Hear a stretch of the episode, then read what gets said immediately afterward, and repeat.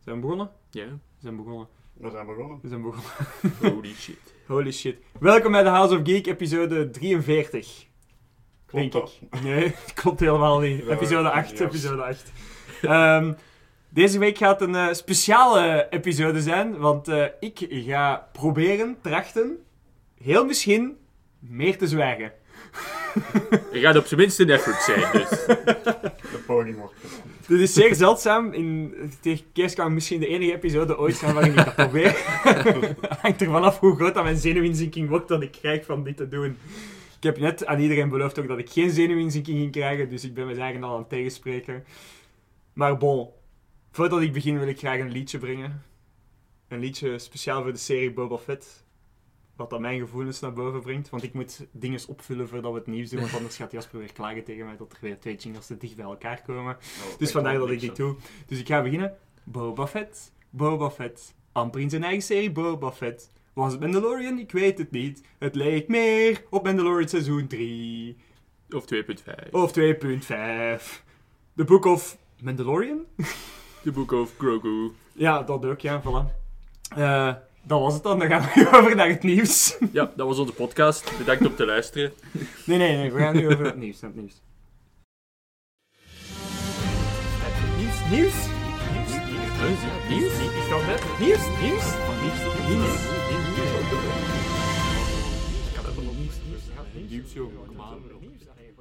nieuws. Nieuws. Dan nu het nieuws. Welkom, welkom bij het nieuwssegmentje. Ehm voordat we met het echte nieuws beginnen, wil ik graag een rechtzetting doen van een flater dat eh, voornamelijk ik, maar dan ook Arne... Allee, ik eigenlijk Arne niet mee heb gesleurd, voornamelijk omdat ik hem onverwacht er een vraag over stelde. Legends Arceus is helemaal geen battle game. Het is gewoon een nieuwe Pokémon game. ik was totaal misgeïnformeerd, maar kijk, bij deze wil ik het graag rechtzetten, want ik heb wel onder mijn vest gekregen van een huisgenoot die het speelt. Ehm, dus misschien dan ook eens een leuke om, om onze eerste gedachten, want we hebben hem al zien spelen. Allee, ik toch alleszins de eerste gedachten erover te zeggen. En ik vind het scheid. Ja, ik moet die mening wel volgen. Allee, eh, ik zal het anders zeggen. Eh, het ziet er een hele toffe game uit, maar niet voor Pokémon. Nee, het, het ziet er eerder uit als een mod op een andere game om op Pokémon Ja, te lijken. ik- en om eerlijk te zijn, ook met de stijl en al. Ik zei weer een goede stijl, maar toen mij een beetje denken aan eh, Breath of the Wild. Ja, het lijkt alsof dat Daar er doet iemand... het mij aan denken, maar dan met Pokémon zijn. Ja, het lijkt alsof dat iemand Breath of the Wild heeft gemod om er Pokémon's klunkje in te zetten. Want zelfs de battle features zijn helemaal weg. Vroeger, ik vond het altijd cool dat als je een Pokémon tegenkwam, dat je zo in die... tun, tu, tu, tu, zo in die dingen ging, dat zo Mhm. precies een arena ging voor te battlen en zo. Maar nu is dat gewoon twee Pokémons die naar elkaar toe dingens hoppen. Ja, en dan moet je En je, kunt daar, stenen... en je kunt daar rondwandelen. En je moet met, met stenen gooien of zoiets. Het is... Stenen gooien. Ja, Ja. Het, is, het, is, het is raar. Het is echt raar. Het is echt raar. Nu ja, bon, ik heb het zelf nog niet gespeeld. Ik heb enkel onze huisgenoot het zien spelen, maar... Ik weet niet. Ik weet niet. Bon, er wordt wel gezegd het is een test, maar een test van 60 euro... eh dan mag het wel al een beetje, allee, een beetje meer zijn dan een, een test dat niet zo allee, fantastisch is. Hè? Dat is gelijk op school eh, krijgen, oh, het is maar een test en dan is het een test op 100 punten of zo. Zo, Ja, ah. inderdaad. Maar dus eh, gewoon van dingen dat je nog weet van vorig schooljaar. Daar komt het eigenlijk op neer. Eh, bon. Volgende nieuws. Ehm, GTA heeft een nieuwe titel. Allee, Rockstar heeft op Twitter eindelijk getweet dat ze een zesde GTA gaan maken. Dus misschien over tien jaar hebben we hem. Ja, de development is gestart. Ja, kijk, dus kijkt er nog iemand naar uit? Niet echt. Het heeft veel, GTA 5 heeft veel te lang geduurd. Ja. Ga ik het kopen? Waarschijnlijk ook niet meer. Ehm, ik was een heel harde fan van GTA 5 in het begin. Eh, maar dat heeft gewoon veel te lang, veel te lang, veel te lang GTA 5 Ja, en geweest. t- ik moet eerlijk zijn, bijvoorbeeld bij mij persoonlijk, ik, heb, ik vind dat heel rap saai werd. Ja, wel ja, het Want was, het was rap uitgespeeld, het zag er goed uit, maar het was gewoon rap het was uitgespeeld. leuk in het heel begin inderdaad, maar daarna was het, en dan bleef het maar zo, en dan moest je online gaan. Heel. Ja, en ik, de eerste keer dat ik online kwam, één seconde online en ik, ik ben al tien keer vermoord geweest of Ja, zo. dat Dat is zo, ja. Als je GTA 5 ook later begon, inderdaad, dan, dan werd je gewoon, ja... De vraag is ook, wat doe je er nog mee met die reeks? Ja. Kun je er nog meer mee doen En dat nog op. GTA laten lijken, maar dat lijkt niet meer echt op een GTA. Dan je Kijk, anders als, als scheidfilms gelijk Fast and Furious in space kunnen, dan kan een game gelijk GTA ook in space. Ja, Nee. voilà. Allee, ja. Over, ge- over Fast and Furious gesproken, by the way. Uh, leuke overgang. Jason Momoa gaat waarschijnlijk in Fast and Furious 10 eh, komen. Ah, Hou vol. Hoeveel geld willen we wedden dat dat de broer van The Rock wordt? Hoeveel geld? Eh, Ik wil echt, ik wil daar 100 echt euro? solide 50 euro nu hier op tafel voor wedden met jullie dat dat een broer van The Rock wordt. Echt Dat is waar. goed. Ja, ik ga ik wel eens schoppen aan, waarvan ik zeker ben dat ik zo release. Echt waar. Dat is echt... met, met die dingen van... Als je, als je dingen... Hoe noemt dat andere nu weer? De worstelaar? Die daar Ah, ook, eh, Ja, John speelt? Cena. John Cena de broer van, van Vin Diesel kunt maken, dan kun je Jason Momoa zeker de broer maken van The Rock. Ik bedoel, die hebben tenminste nog een beetje gelijkenissen, terwijl dat John Cena oranje spuiten is niet genoeg. maar ja, bon, kijk. Fast and Furious 10 met Jason Momoa. Het is wat het is. Ik ben gewoon een fan van Jason Momoa, vandaar dat ik het erbij wou steken. Ja, inderdaad. Ik vind het scheid dat hij het doet, maar ik... Ja, Het boeit me ook niet. Ik ga hem waarschijnlijk ook niet zien, dus kijk. Ehm, meer heugelijk tussen haakjes nieuws is dat Microsoft eh, Blizzard heeft gekocht. Ja, heugelijk nieuws. Dat hangt ervan af hoe dat je daar naar kijkt. Voor de Xbox, Microsoft-liefhebbers zal waarschijnlijk wel goed nieuws zijn. Bij de mannen van Sony zal er waarschijnlijk wel wat binnen laten afgaan. Ja, dat wel. Dat wel. Nu direct zal er waarschijnlijk nog geen gevolgen hebben, maar binnen een paar jaar zal er waarschijnlijk wel beginnen opvallen dat die games dan ook weer meer Xbox ja, exclusive worden. veel meer exclusives. hè. Nu ja, natuurlijk voor de PC Master Race zoals jij. hè, maakt dat zal niet minder uitmaken. De, degenen die op Mac spelen, die gaan waarschijnlijk ook wat hebben. Maar... Maar Ja, wie, maar wie die- gamet die- er nu op Mac? ja Dan so- sorry, ja, die verdienen het. Die, die hebben niet te zagen. Ehm, genoeg gezeverd. Als je op Mac speelt, get the fuck. Ehm Idris Elba wordt Knuckles. Idris Elba, de, de dude van eh, Suicide Squad en vele andere dingen. De badass eh, dingen. Die heeft ook... De eh, rapper ook. Ja, maar die heeft ook dingen gespeeld, hè. In, in Thor. Thor, Thor. Dingen, Eh, ja, die was de ga- Ja, Heimdall. Ehm, leuk, ja. Ja. Knuckles komt erin. Leuk. Meer is daar niet over te zeggen. Ehm, er komt ook een animated spin-off van The Boys. En dat gaat Diabolical noemen. Veel meer is daar nog niet van gekend. Wacht, van wat? The Boys. Wat is dat? Een serie op Amazon dat we allemaal gekeken hebben. Buiten jij blijkbaar weer. Ja. Want jij hebt weer al fantastisch veel series gekeken vorig jaar. Dat hebben we al established in de vorige episode. We gaan, we gaan de boys over. The Boys is eigenlijk eh, wat als elke superhero ook een asshole was in het publiek. Ja, en als het volledig corporate was. Ja, en als het volledig corporate was, wat het eigenlijk is. In on- wat het eigenlijk in Wat het onze wereld zou zijn. Ja, Ja. En dan ook heel bloederig, want iedereen houdt van bloederig tegenwoordig eh, in superhero films. Ik heb weer van alles gemist. Hè. Maar dat hebben we toch al established? Je wacht zelfs in de scheidlijst ervoor. Ja, maar van die zeggen, de naam heb ik effectief nog niet gehoord. Echt? We hebben daar al superveel van bezig ja. geweest, en ik. Echt waar. Echt nog niet. We zijn er echt alle twee fan van, dat is echt gek. Dat zegt me echt compleet niks. Maar dat is misschien ook omdat de titel zo The Boys, dat kan van Ja, dat is- dat is wel- echt dat is niet The boy. Eh heugelijk nieuws voor vooral Arne, omdat hij in die film wel leuk vond. Eh, er komt een nieuwe Mortal Kombat film. Het is nog niet zeker of dat het een, een, een sequel gaat zijn op deze film, of dat het weer al een reboot gaat zijn. Dat, dat valt nog af te wachten. Maar hij zou in development zijn, nieuwe Mortal Kombat film. Fair enough. Ehm, kijk ik er naar uit, niet echt. Ga ik hem zien. Waarschijnlijk als Arne hem op heeft staan.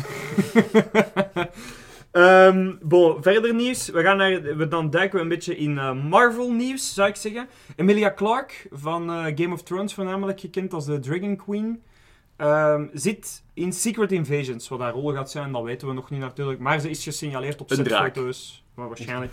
Ze is gesignaleerd op setfoto's, dus meer, meer Game of Thrones mensen in de MCU. eh, nadat, Of gewoon bezoekers. Of gewoon bezoekers, ja. Nadat Jon Snow ook in de MCU zat, nog nu dat, dat onder ook in de MCU. Goed, slecht, ik weet het niet. Ik vond het gewoon leuk om te vermelden. Ja. Ehm, er is ook een Moon Knight-serie aangekondigd. Er is ook al een trailer van en zo, maar daar wil ik niet echt te veel in... in... Ah. Ik had kunnen een trailer breakdown doen van Moon Knight. en kunnen claimen zoals 90% van de Marvel fanbase... Wauw, ik ben altijd fan geweest van Moon Knight. Maar ik ga eerlijk zijn...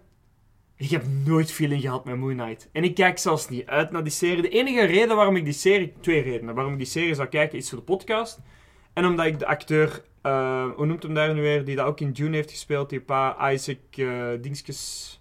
Nou, die namen ken ik niet. Ja, maakt nu niet uit. Poe Dameron van Star Wars. ehm, de Moon Knight gaat spelen en ik zie die mens graag bezig. Ja. Voor de rest, Moon Knight vind ik een slap aftreksel van Batman. Haat mij ervoor, het maakt me niet uit. Ik ga niet gaan pretenden dat ik... Ik ben de Marvel-fan van de podcast, maar ik ga niet gaan pretenden dat ik daarom alles van Marvel leuk vind. Dat zou ook gewoon mij in een slechte positie zetten van deze podcast, want dan zou ik gewoon altijd ja knikken en altijd Ik alles denk goed vinden. goed dat is gewoon onrealistisch. Ja, dat- maar dat is, maar dat, dat, hoort, dat hoort ook zo. Hè. Ik bedoel, je hebt van die Marvel-fans die dan zo nooit van een karakter gehoord hebben en dan komt er iets van uit en dan zo, ah, ik heb die altijd leuk gevonden en dan gewoon de wiki van dat karakter opzoeken en dan mensen beginnen te, ik zit op Facebook groepen daarover en zo en die beginnen dan mensen te bombarderen met feitjes dat je zo op de wiki de eerste 10 punten tegenkomt en zo van die dingen. En dan heb ik zoiets van, ja, als je je daardoor beter voelt, mij maakt dat niet uit, maar ik ga niet pretenderen, ik weet niet veel van Moon Knight. Ik heb hem een paar keer ge- opgemerkt in een comic als hij mijn bijkarakter was. Ik weet dat dat iets te maken heeft met dat dat Batman is, maar dat terug tot leven is gekomen door iets van Egyptische godachtige dingen. Zit ik fout? Ik weet het niet. Maakt mij ook niet uit. Ik ga gewoon de serie kijken en het reviewen.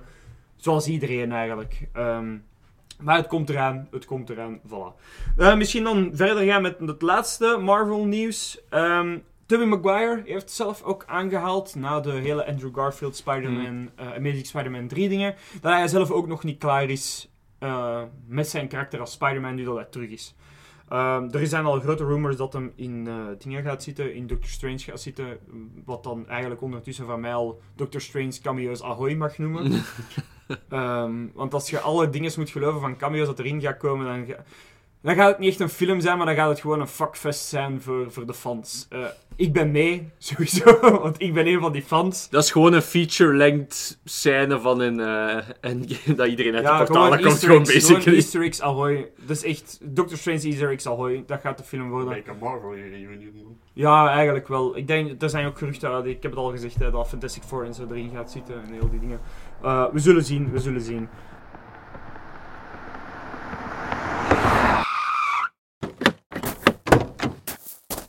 Voor de tweede keer in de geschiedenis van deze fantastische, geweldige podcast zitten we in de bonus. Bonus! Bonus, ja. Het extra stukje. Want de dag nadat we hebben de episode opgenomen, is de Super Bowl daar. En dan worden er heel wat trailers gedropt. En er was toch één trailer daarvan dat ik had van, dacht van, ja, kan niet wachten. Hè. dat, daar, moeten we, daar moeten we direct aan beginnen. Dus eh, om de, vlak voor de, dat we aan de Star Wars Tour beginnen met Arne, eh, dacht ik, gooi er nog een beetje Marvel bovenop, zodat ik ook iets kan zeggen in deze episode. Ehm, dus de nieuwe Doctor Strange trailer van eh, Doctor Strange Multiverse of Madness is uitgekomen. Nu, hoort mij juist eerder in de episode zeggen dat het gewoon cameo's Ahoy gaat worden. Nu, ik ga die woorden al terug moeten intrekken. Again, dit, dat was opgenomen voordat we de trailer hadden gezien.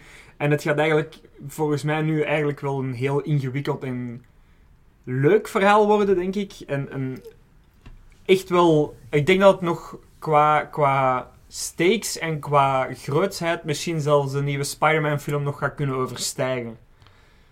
Ehm, Maar- Madness. dat zullen we wel zien ehm, wanneer dat de film uitkomt. Nu, ik wil graag een paar dingen met jullie twee bespreken. Dus Arjen en Jasper zitten hier ook nog altijd bij. Ehm, ik wil graag een paar dingen met jullie bespreken vanuit de trailer en een kleine breakdown doen. Zodat we, zodat, ja, voor de luisteraars thuis en voor ons dan een beetje hype kunnen creëren rond deze film natuurlijk. Ja. Die op 5 mei gaat uitkomen. En door de fantastische, legendarische Sam Raimi is verfilmd. Allee, eigenlijk, hij is de regisseur, bedoel ik daar dus mee. De maker van de originele drie eh Spider-Mans en onder andere eh, de Evil Dead films ook. En dat ziet je wel heel hard in de trailer, dat daar Ja, wel wat elementen van die Spider-Man films en van die Evil Dead films eh, in verwerkt zijn. Maar we gaan eindelijk aan de trailer beginnen, want Jasper is mij al heel vies aan het bekijken. Ja, Jelle probeert hier maar te doen alsof we dat speciaal voor u, de luisteraars, doen, maar doet het vooral voor zijn eigen. Ik weet wel niet, midden van de nacht sleurt hij ons uh, bed zeggen van die Strange trailer, dat moet er nog in deze episode, nu! Het is tien voor zeven even s'avonds, voor even de bubbel te doorbreken. dus het, begint eigenlijk met eh Doctor Strange die aanhaalt dat hij een nachtmerrie heeft. Nu, eh, je ziet de Sanctum Sanctorum eh, kapot gaan in een soort van post-apocalyptische wereld. Ja. Maar het is duidelijk een andere Sanctum Sanctorum. Waarom? Het is een smaller gebouw en het heeft een, een extra etage. Ja, ik ben zo ver gegaan.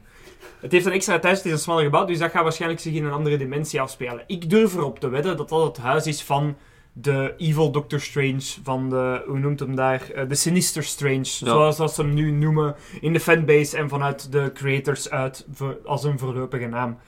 Nu, ehm Doctor Strange wordt dan wakker en zegt eh, dat hem altijd nachtmerries opnieuw opnieuw heeft. Dat laat mij denken dat misschien het karakter Nightmare een rol gaat spelen in deze film. Nightmare is een soort van demon uit een andere dimensie, dat een hele grote vijand is van Doctor Strange. Misschien dat die iets te maken heeft met een paar dingen dat hij in gang zet, onder manipulatie van Wanda of zoiets, waardoor dat Doctor Strange in actie schiet en dat hem nog meer naar de zak gaat doen dan dat hem ervoor heeft gedaan, want dat is blijkbaar wat Doctor Strange nu allemaal doet. Meer dingen naar de zak doen. Dus ik denk dat Nightmare, dat er een hele grote kans is dat hij erin gaat komen. Hij gaat niet de main villain zijn, maar hij gaat er wel iets mee te maken hebben, denk ik. Het- daarna zie je eigenlijk een frame dat onze wereld aan het vergaan is. Zoals in What If, zo in die zwarte rookdingen, dat zo Mhm. gebouwen aan het kapot gaan zijn. Ik denk dat dat ook wel gewoon een rechtstreeks gevolg is van wat er in Spider-Man No Way Home is gebeurd. Of dat Doctor Strange nog verder is gegaan, omdat hem iets, iets gefuckt heeft. Ja, eigenlijk kan het, kan het heel perfect gaan over die spel dat er op het einde van No Way Home is gebeurd. hè. Dat eh, iedereen dat Spider-Man kent uit een andere dimensie naar ons wou komen, dat hem dat heeft afgesloten. En dat hem daardoor eigenlijk een Nexus-event heeft gecreëerd.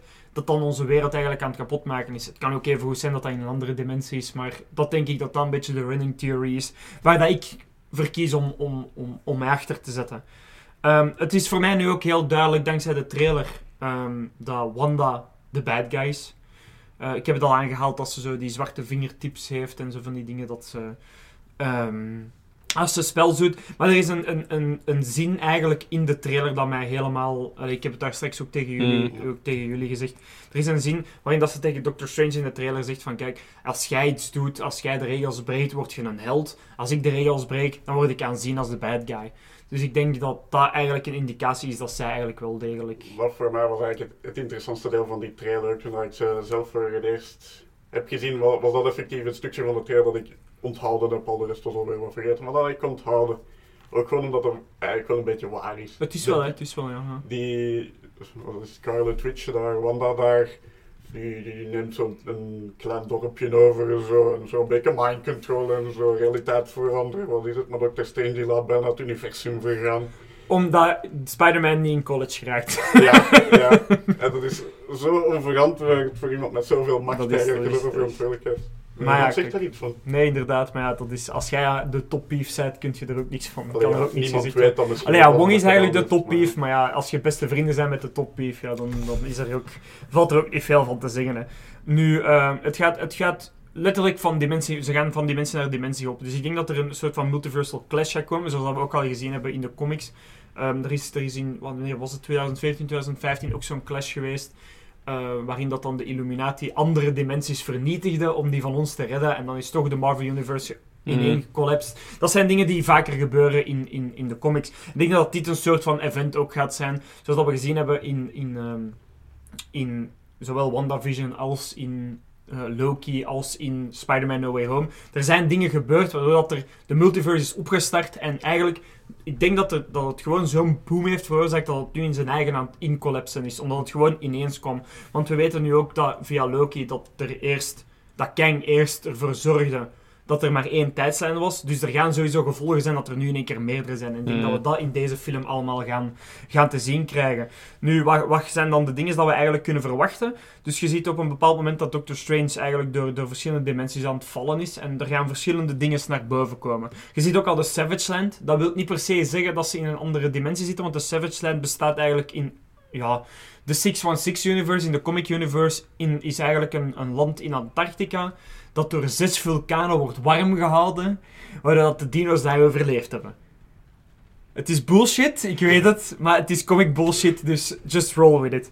Ehm, dat zie je dan, maar je ziet hem dan ook door dimensies vallen en zo in blokjes veranderen. En ik denk dat ze zelfs zover gaan gaan dat er animated dimensies in gaan zijn. Hmm. Gaat What If erin komen? Gaat eh, oude cartoons erin komen van, van Marvel of zo? Want er is een kegeltje, dus een oranje kegeltje, dat je ziet links in de frame in de hoek. Dus als je de trailer nu kijkt. Ehm, als hem van de Savage World door die dimensie valt, voordat hem die blokjes aan zijn gezicht krijgt, gaat je links in de hoek een cone zien. dus een kegel zien dat animated is. Dus dat laat mij dan denken dat er ook iets met de cartoon dingen gaat gebeuren. Misschien zelfs gaan ze zover dat Spider-Verse erin verwerkt wordt, hè? De, de animated serie Mhm. van, van, eh, van Sony daar, van, van, van Miles Morales. Hè? Het kan, hè. Maar daar willen we toch al wel echt de trailer frame per frame bekijken om dat allemaal gezien te hebben. Ja, dat is wat ik doe, hè. daarom ben ik hier. Hè. Ik doe dit zodat jullie deze thuis Ja. niet moeten doen. Hè. Ehm, nu, dus ja, ehm, op een bepaald moment gaat Doctor Strange ook eh, gevangen genomen worden. Je ziet hem in zo'n futuristische boeien geslagen worden. En dan wordt hem eigenlijk weggenomen door Sentries. Dus ehm, eerst deed mij dat denken aan de Iron Man Sentries van Age of Ultron. Maar ik denk dat het zelfs een stap verder is. En ik denk dat deze Ultron-versies Sentries zijn. Mm. Maar ik denk dat deze uit een dimensie komen waarin dat Ultron wel degelijk de good guy is. Ja. Of het is van eh, de Tom Cruise eh, Superior Iron Man dat nu gerumored is dat erin gaat komen. Nu, mensen denken dat eh, die frame daar met die, dat één manneke dat licht ge- ogen licht geven en, en ik zeg al haar, daarmee weet je dat dat niet waar is. Eh, zeggen ze nu al dat dat Superior Iron Man is, maar dat kan niet, want het is een zwarte vrouw. En voor zover ik weet is Tom Cruise geen zwarte vrouw.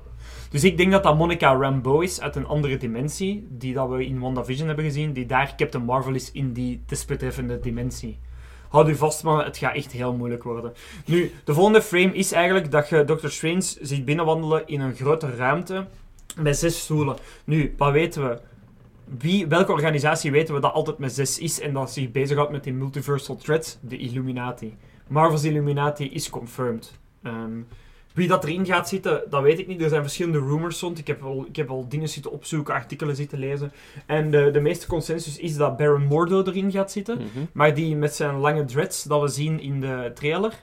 Ehm, dat Fantastic, eh Mr. Fantastic erin gaat zitten. Mhm. Maar de rumors zijn tot nu toe eh, dat het eigenlijk degene gaat zijn van de originele Fantastic eh, Four films. Ja. Ehm, dat Captain Carter erin gaat zitten, want in de poster ziet je ook haar schild. Dus het Captain America schild met, met de Union Jack op. Dat die erin gaat zitten, dat dan de Superior Iron Man erin gaat zitten.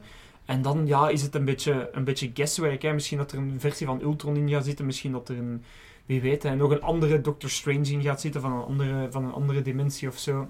Ehm, maar die zijn dus eigenlijk een beetje ehm, de, de, de mannen die de multiverse nu gaan controleren, denk ik dan, en, en proberen terug in balans te brengen. Mm, ja. Eh, een beetje wat dat Kang niet gelukt is. En wat dat mij eigenlijk laat denken dat Kang origineel ook in die Illuminati was, maar eruit gekikt is en dan eigenlijk zijn eigen ding is beginnen doen. Maar dat, dat, dat zijn dan natuurlijk weer al de wildste theorieën. heeft eigenlijk niks meer met de trailer te maken. Nu, wat gebeurt er nog in?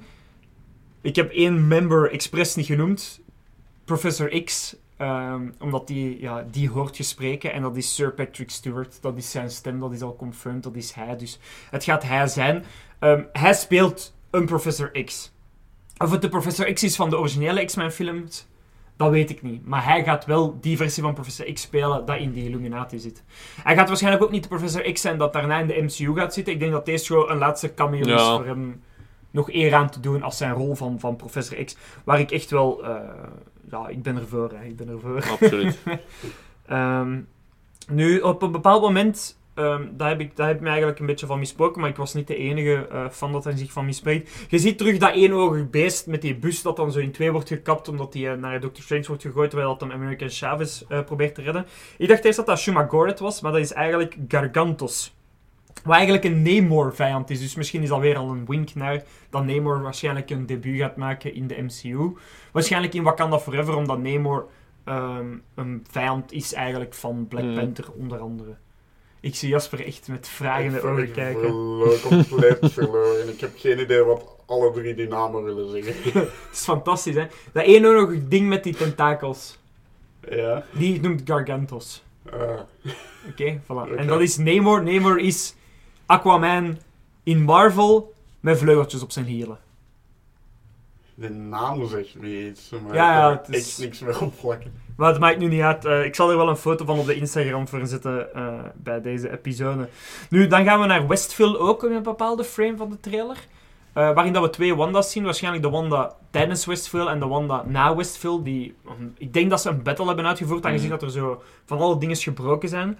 Ehm, wat dat daarmee te maken heeft, ik denk dat misschien die Wanda probeert haar kinderen terug te halen vanuit Westville en mee te, te pikken naar haar dimensie. En dat dat misschien niet gaat lukken. En dan zit je op een bepaald moment een Wanda. Ik zeg niet dat dat de main Wanda is, want de main Wanda heeft precies wel altijd haar kostuum aan. ehm, wordt er ingezoomd in haar oog en ziet je twee kooien. Alleen twee van die boxen, waar het dat zij ook in zat, samen met haar broer in Age of Ultron. En ik denk dat dat een beetje een ding is dat de Illuminati haar twee kinderen ergens heeft vastgezet, omdat die een Mm. te grote threat zijn voor de multiverse. Dat die te powerful zijn, of dat die een te grote dingen, impact kunnen hebben op de multiverse, zodat de Illuminati die heeft vastgezet. En dat gaat eigenlijk, denk ik, de drijfveer zijn van Wanda om de multiverse zo naar de zaag te helpen.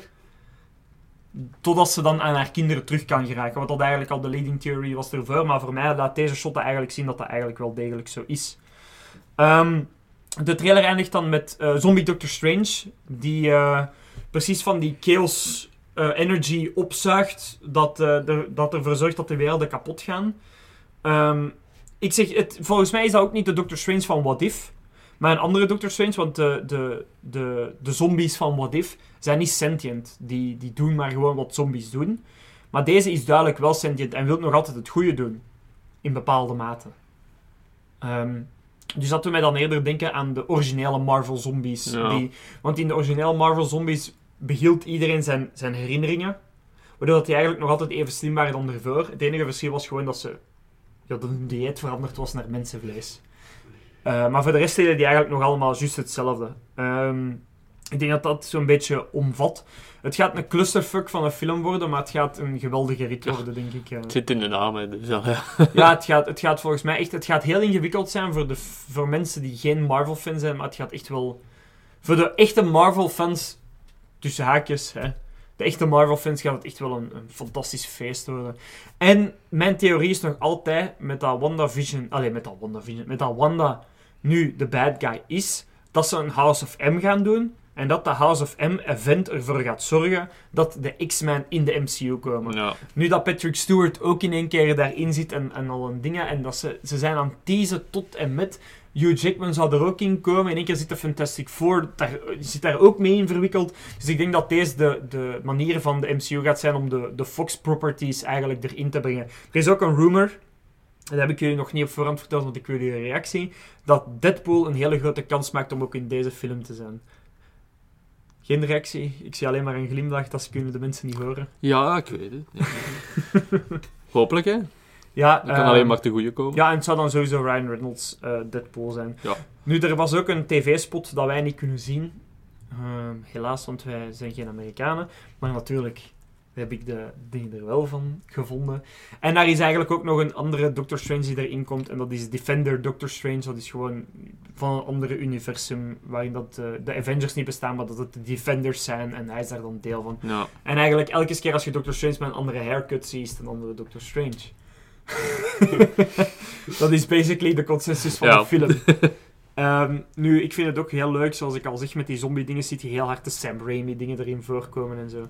Dus het gaat, het gaat een hele leuke film zijn. Het is heel moeilijk om uit te leggen. Ik zal zeggen, de trailer eh, zal in de descriptie staan. Bekijk het eens zelf en luister dan nog eens opnieuw naar mijn gezever. Want als je dit gewoon blindelings luistert, dan, eh, dan gaat je het niet kunnen volgen. Maar ik kan het ook gewoon niet simpeler uitleggen, want het is gewoon... Het is heel veel in twee minuten. Al wat dat ik nu gezegd heb, speelt zich af in twee minuten. Dus wat gaat dat zijn als dat een film is van bijna drie uur lang?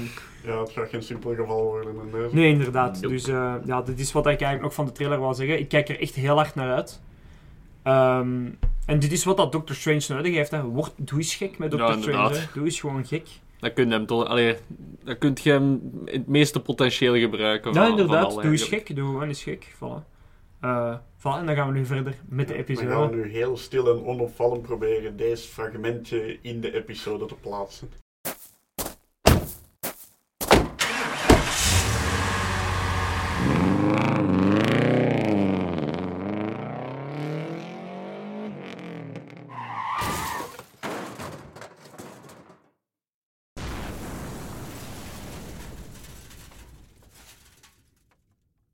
Ehm, het laatste beetje Marvel nieuws dat ik heb is dat de Torsuit gereveeld is. Ik heb die jullie ook laten zien met dat blauw en geel, dat meer spacey look zo. Ja. Op de concept art ben ik er geen fan van. Het is natuurlijk ook afwachten hoe dat er gaat uitzien in de film natuurlijk. En als we de eerste trailer gaan krijgen. Maar in de concept art ben ik er geen fan van. Het lijkt mij de stap te ver. Ik was, ik was een fan van ehm, de Thor-suit, vooral in eh, Ragnarok. De meer simplistische suit, de meer breakdown suit. Dan zijn ze overgeschakeld naar de, naar de Black Suit, een beetje in, in eh, Infinity War. Was ik ook nog wel fan van, omdat het nog een beetje wat dat simplistisch had. Maar nu zijn ze echt zo full overboard naar de andere kant gegaan.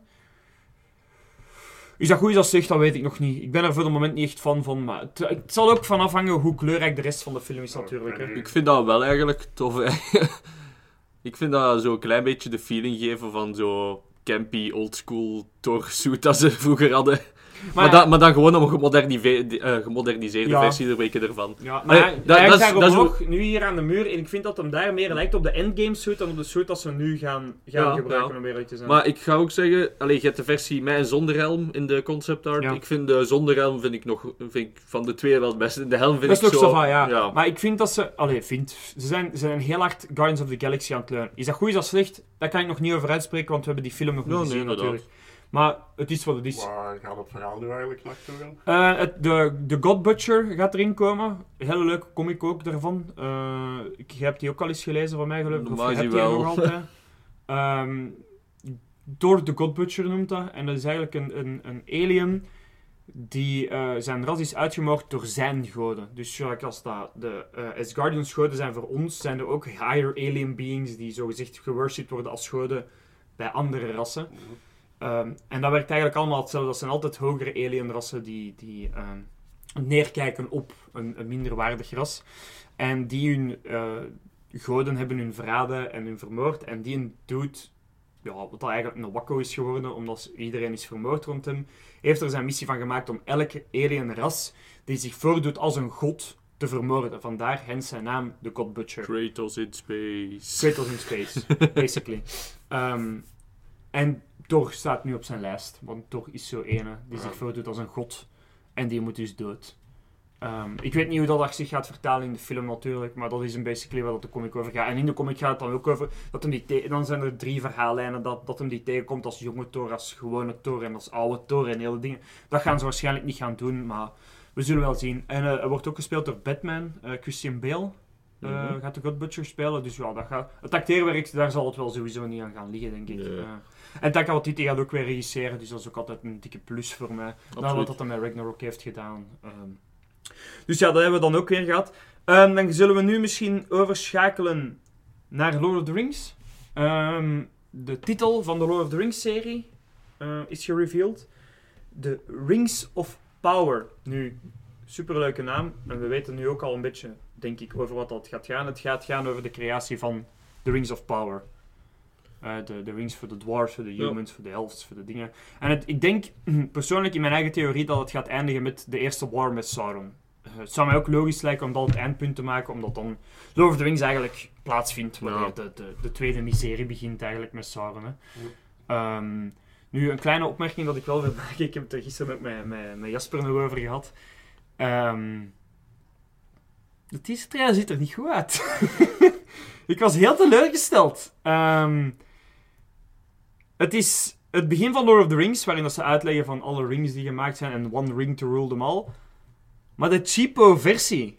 Het, ehm, ja, De serieversie. ja, maar het, ik bedoel, ja, allemaal goed. Maar Amazon zit al sinds de aankondiging van de serie te roepen: ja. dit gaat een nieuw niveau zijn, zoveel geld er tegen smeten, hup, hup, hup. En dan het eerste dat we ervan zien is zo: ja, deze is niks nieuw, hè. Deze is gewoon, ja, basic serie quality. En je moet niet gaan beloven en dan het niet gaan doen. Dat, dat stikt mij tegenwoordig heel hard tegen, want iedereen doet dat tegenwoordig. Zowel in games als in films als in series. En deze gaat het worden. Disney deed dat ook in de tijd met de... En de Marvel-series waren goed. Maar niet veel beter dan, uh, dan, dan ervoor. En ze hadden toen ook beloofd van, en deze gaat een nieuw niveau worden. We hebben het ook gezien dat dat niet... Allee, snap je? De enige die daar wel in gelukt zijn, is de Mandalorian, vind ik. Uh, die een stijl van serie maken is supergoed. Hmm. Wat dat bij Lord of the Rings gaat zijn, ja, kijk.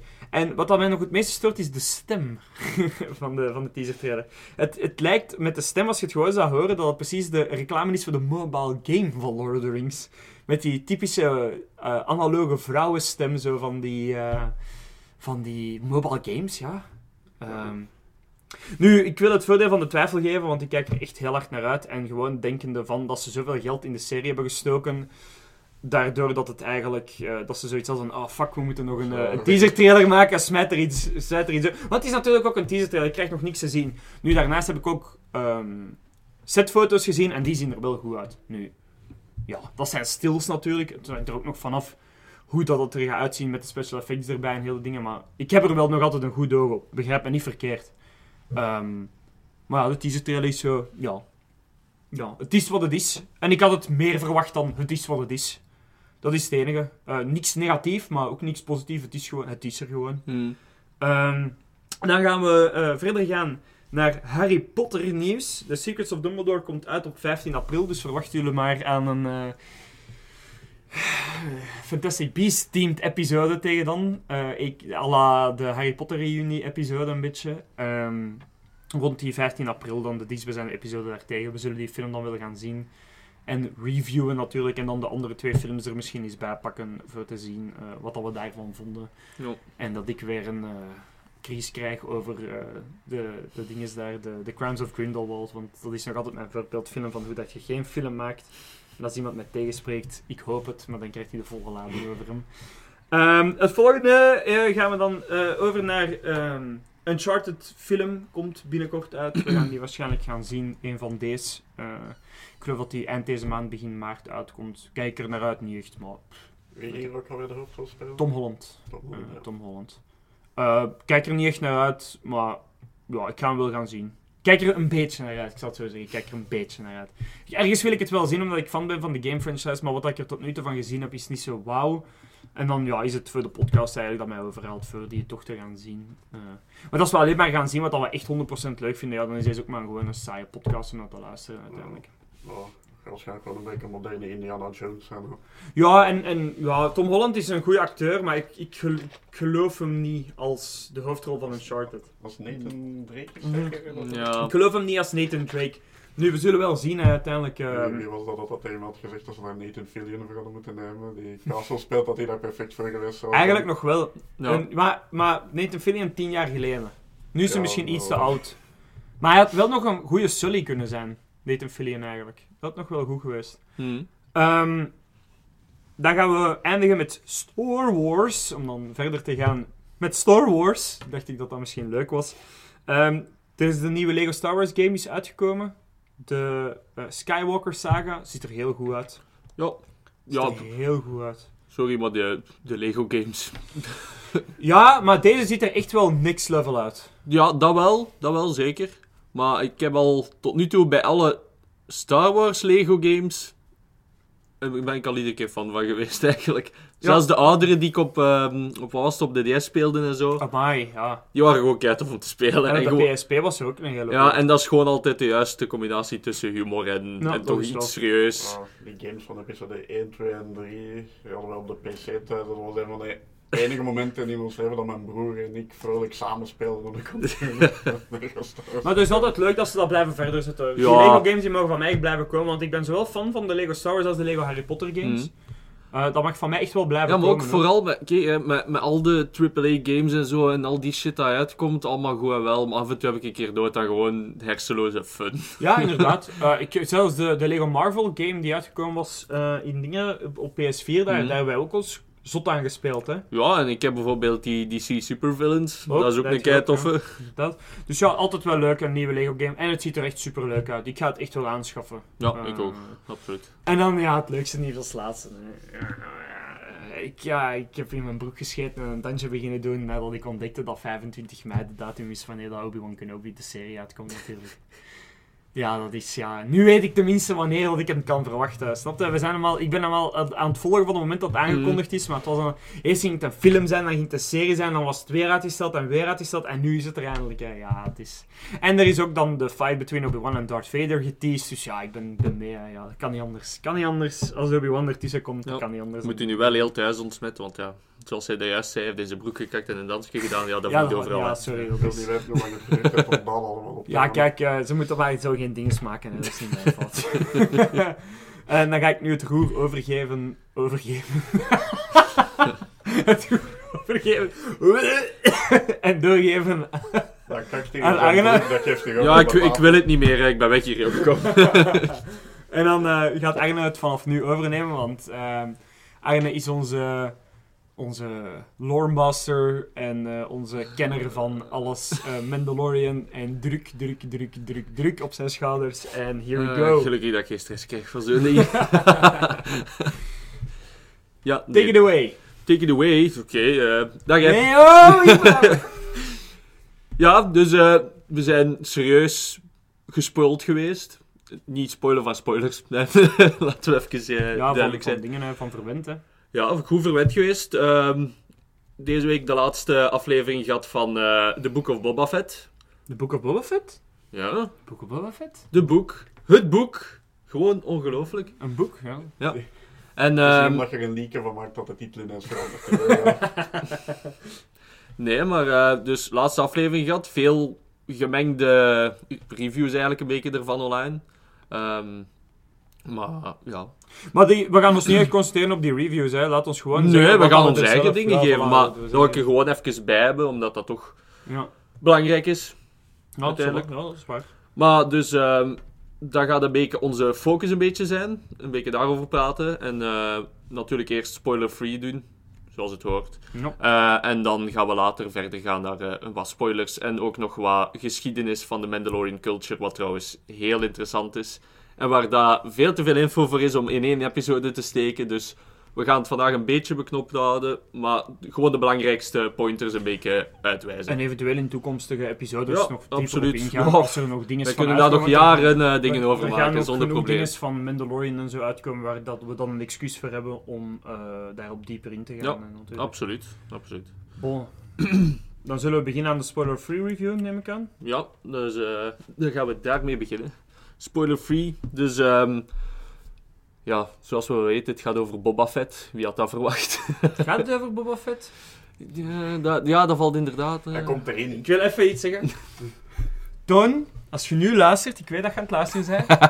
je moet een kat een kat noemen, Toon. Het gaat eigenlijk niet 100% over Boba Fett, hè. Maar meer daarover in de spoilers straks. Ja, maar voor Toon die nu aan het luisteren is, ja, voor Toon, alsjeblieft. je moet een kat een kat noemen. Het gaat niet helemaal over Boba Fett. hè. Nu, verder, verder. Ja, woe! Nee, dus ehm, het begint in een eh, interessante periode nadat eh Jabba dood is, wat dat geen spoiler is, want dat weten we allemaal. We hebben het zien gebeuren. Ah ja, dat is, ja, dat is original trilogy. Daar begint het. En eh, we gaan eigenlijk vanuit dat punt eigenlijk een beetje Boba Fett volgen in zijn... Ja, een beetje avontuur na zijn eh, onfortuinlijke en niet zo mooie val in de Sarlacc pit. Ja, het is eigenlijk een, een dubbel verhaal, hè, want één deel van Ja. het verhaal eh, begint eigenlijk vlak na de Mandalorian seizoen Ja, 2. waar en het andere deel is ja. dan wanneer dat hij uit de Starlight Pit komt. Dat is Ja. de eerste drie episodes in een notendop Ja, eigenlijk. inderdaad. En eh, we zien hem zijn armor terugkrijgen. Maar Maar dat, is, dat is eigenlijk in de Mandalorian dat we dat gezien hebben, dus dat is niet eh, relevant voor deze serie natuurlijk. Nu, maar wat vonden jullie ervan, overal, van, van die eerste drie episodes? Want ik denk dat we het beste het een beetje opdelen. Ja, toch wel, want er is een duidelijke divide een beetje in, Ja, in hoe dat inderdaad. eh, de episodes in elkaar zitten. Eh, Om eerlijk te zijn, de eerste drie, ik ben er wel fan van. Ik vind dat ze dat goed hebben gedaan. En ja, ik, ik ben altijd heel vergevingsgezind en zo. Dus ongeacht hoe dat is, ik, ik ben al gewoon blij dat we, dat we deze soort dingen te zien krijgen in een serie. en oh, ja, dat, dat mag het soms ook een beetje minder zijn. Soms ziet je ook, eh, ja, blijft de serie, maar je ziet dat er tijd en moeite in is gestoken. En je ziet dat de creators er effectief om geven. En dat, dat komt goed door, zeker in die, in die drie eh, afleveringen, vind ik. Dus, Wel, voor mij was het nu persoonlijk heel raar. Omdat ik eh, dus de Mandalorian nog niet gezien heb. De serie. En Jasper zet zijn eigen weer op de Oké. scheidlijst, standvast. Er is niets veranderd vergeleken met anders. Ik heb niet meer Maar nu heb je wel tenminste Boba Fett gekeken. Maar Boba Fett heb ik gekeken en ik heb op één dag uitgekeken. En hij blijft consistent. Consistent. Wat dat ik dus van onder de indruk was, is dat ik perfect mee kon volgen zonder dat ik de Mandalorian eigenlijk gezien Hmm. had. Maar op de achtergrond kijk ik dan natuurlijk wel binnen. Hè. Want sommige personages, als je er helemaal niks van wist of niet wist dat die bestonden, ja, dan word je natuurlijk verloren. Maar zolang je basiskennis hebt van Hmm. Star Wars en dingen, dan kunnen best wel nog wel mee, wat dat wel goed was. Maar dit is wel raar, met momenten. En dan heb ik... Want ik wist dus niet dat hij, hoe dat hij zijn armor had teruggekregen. Dus ik dacht van, zijn ze dat nu vergeten daarin te steken? Of heb ik dat gemist? Ik dacht, wat? Waar, waar komt dat nu vandaan? Ik dacht dat ik dat te zien ging krijgen voor het einde van de serie, maar dat zit dus in de vorige Dat zit in, in de Mandalorian. 2, ja. Dus dat verklaart veel. Maar ik vond het goed. Allee, ik zeg het, ik heb het op één dag uitgekeken en dat doe ik niet met veel Nee, series. is dus. Ver- Verbazingwekkend eigenlijk. Nu, eh, ik ga eigenlijk Arne volgen in zijn mening. De eerste drie, drie of vier episodes van het ook was. De, de, de episodes waarin de, waar dat de twee tijdlijnen volgen, ben ik 100% van, van. Ik vind het leuk dat we eindelijk te zien krijgen hoe dat hij uit de Starlight Pit is geraakt. Ik vind het leuk dat we eh, hem een beetje zijn eigen zin establishen als wat hij nu wilt zijn. En ik vind het leuk hoe dat we zien waarom dat hij doet, waarom dat Mm, het doet ja. in de serie. Super fan van, super fan van de eerste episode. De e- allereerste episode had ik een beetje moeite voor erin te komen dat het wat traag op gang kwam. Mhm.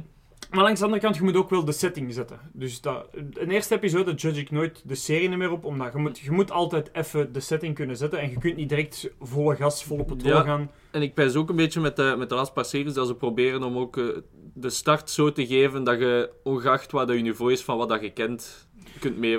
Zoals Jasper Ja, voilà, zei, je hoeft voorbeeld. niet de rest te zien om het te kunnen leuk vinden. En dat Ja, voilà. is En dat je- goed. Voor daar gaat er wel af en toe dan wel een keer hebben dat je iets hebt dat de eerste aflevering of zo erop op gang komt. Daarmee dat ik het zeer vergevingsgezind vind, want ik ben een fan van... Ik ben geen purist. Hmm. Helemaal niet zelfs. Ik vind het leuk dat meer en meer mensen fan worden van dingen dat ik fan van word. Ja, Want dat wil zeggen dat ik er meer van ga krijgen, want dan is het populair. Je hebt zo van die mensen die, die zeggen... Ah, die mensen zoals Jasper, ja, die, was, die heeft niet eens de Mandalorian gekeken, wat gaat hij een Boba Fett gaan casuals. kijken? Ik heb zoiets van, doe maar, kijk mee Boba Fett, Ja. want dan krijg ik meer. Ja, en dan niet alleen, dat is gewoon tof als je je interesses kunt delen Ja, met iemand. inderdaad. En je moet ergens beginnen. Hè. Mij is het ook begonnen bij de prequels. Hè. Waarom kan dat niet bij iemand beginnen Ah, bij de Mandalorian of En- bij Boba Fett? En als je zo puristisch doet, hè, allemaal goed en wel, maar je schrikt daar nieuwe mensen mee af. Dat is... En als je dat genoeg doet, dan gaat om een duur zoveel mensen afschrikken dat er gewoon niets meer komt van hetgeen dat je graag hebt. Nee, en dan heb je jezelf in de voet geschoten.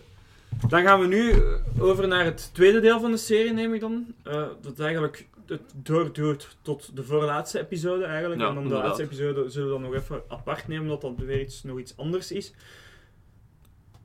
Ik ga jullie Eh. eerst laten gaan. Ja, het is een beetje een, een mumble jumble van, van verschillende dingen doorheen een beetje. En er zitten een paar dingen in die, die op het eerste zicht niet direct horen bij Star Wars. Wat dan veel mensen ook vinden. Dat was nog in de vorige, hè? Want dat was in de eerste vier episodes, hè? Want je bent nu bezig over die, die, Eh, de Doctor Who sequence in de Boba Fett, hè? ja, ja. Dat is er nog voor. Maar ik spreek nu vanaf de episode waarin dat we eigenlijk afstevenen naar meer de Mandalorian dan naar Boba Fett. Ja, eh, ja, de, andere dat hadden we voor de spoiler-sectie van de dingen. Ja, misschien best. Ehm, ja, het is zo wel... Het heeft iets minder inhoud. Ik weet niet hoe dat ik het heftig moet uitleggen, maar het heeft iets minder inhoud dan die eerste paar afleveringen. Het is zo wat eerder op zijn eigen zo gezet en... en het, is, ja, het is een, juist een beetje te wijd uitgespreid om, om zo echt vol, vol uw interesse te houden. Mag ik een toevoeging doen aan Ja, uw mening? Wat dat ik dan, want ik ben het eigenlijk met u eens, maar ik vind dat het eerder de verkeerde inhoud heeft. Want, ik, ja, nu niet, ik, vond, ik was fan van die episodes. Ja. Fantastisch. Maar als ik naar Boba Fett, de serie, de boek op Boba Fett kijk, dan verwacht ik dat Boba Fett erin gaat zitten. En in één keer waren er twee episodes. Eentje waar dat Boba Fett gewoon Niet. niet in zat. En een andere episode waarin dat Boba Fett er zo weinig in zat dat, en dat hem zelfs niks gezegd heeft. Ja. Maar ja, een goe- goed op zich, hè? Goed op zich. Ik was mee, Ja, hè? ik was ja, fan, hè? De afleveringen waren goed, maar Maar waar was Boba Fett? ik, ah ja, ik vond het leuk. Ah, Ze bieden in de spoilers meer, Ja. hè? Ik vond het leuk. Maar het is, dat zou zijn alsof dat ik een Spider-Man film ga zien. En dat het dan in één keer over Wolverine gaat. En dat je Spider-Man zo 10 minuten ziet. En dan zo, ja, ik ben door. En dan komt Wolverine. Leuk hè, Wolverine. Maar daarvoor ga ik niet.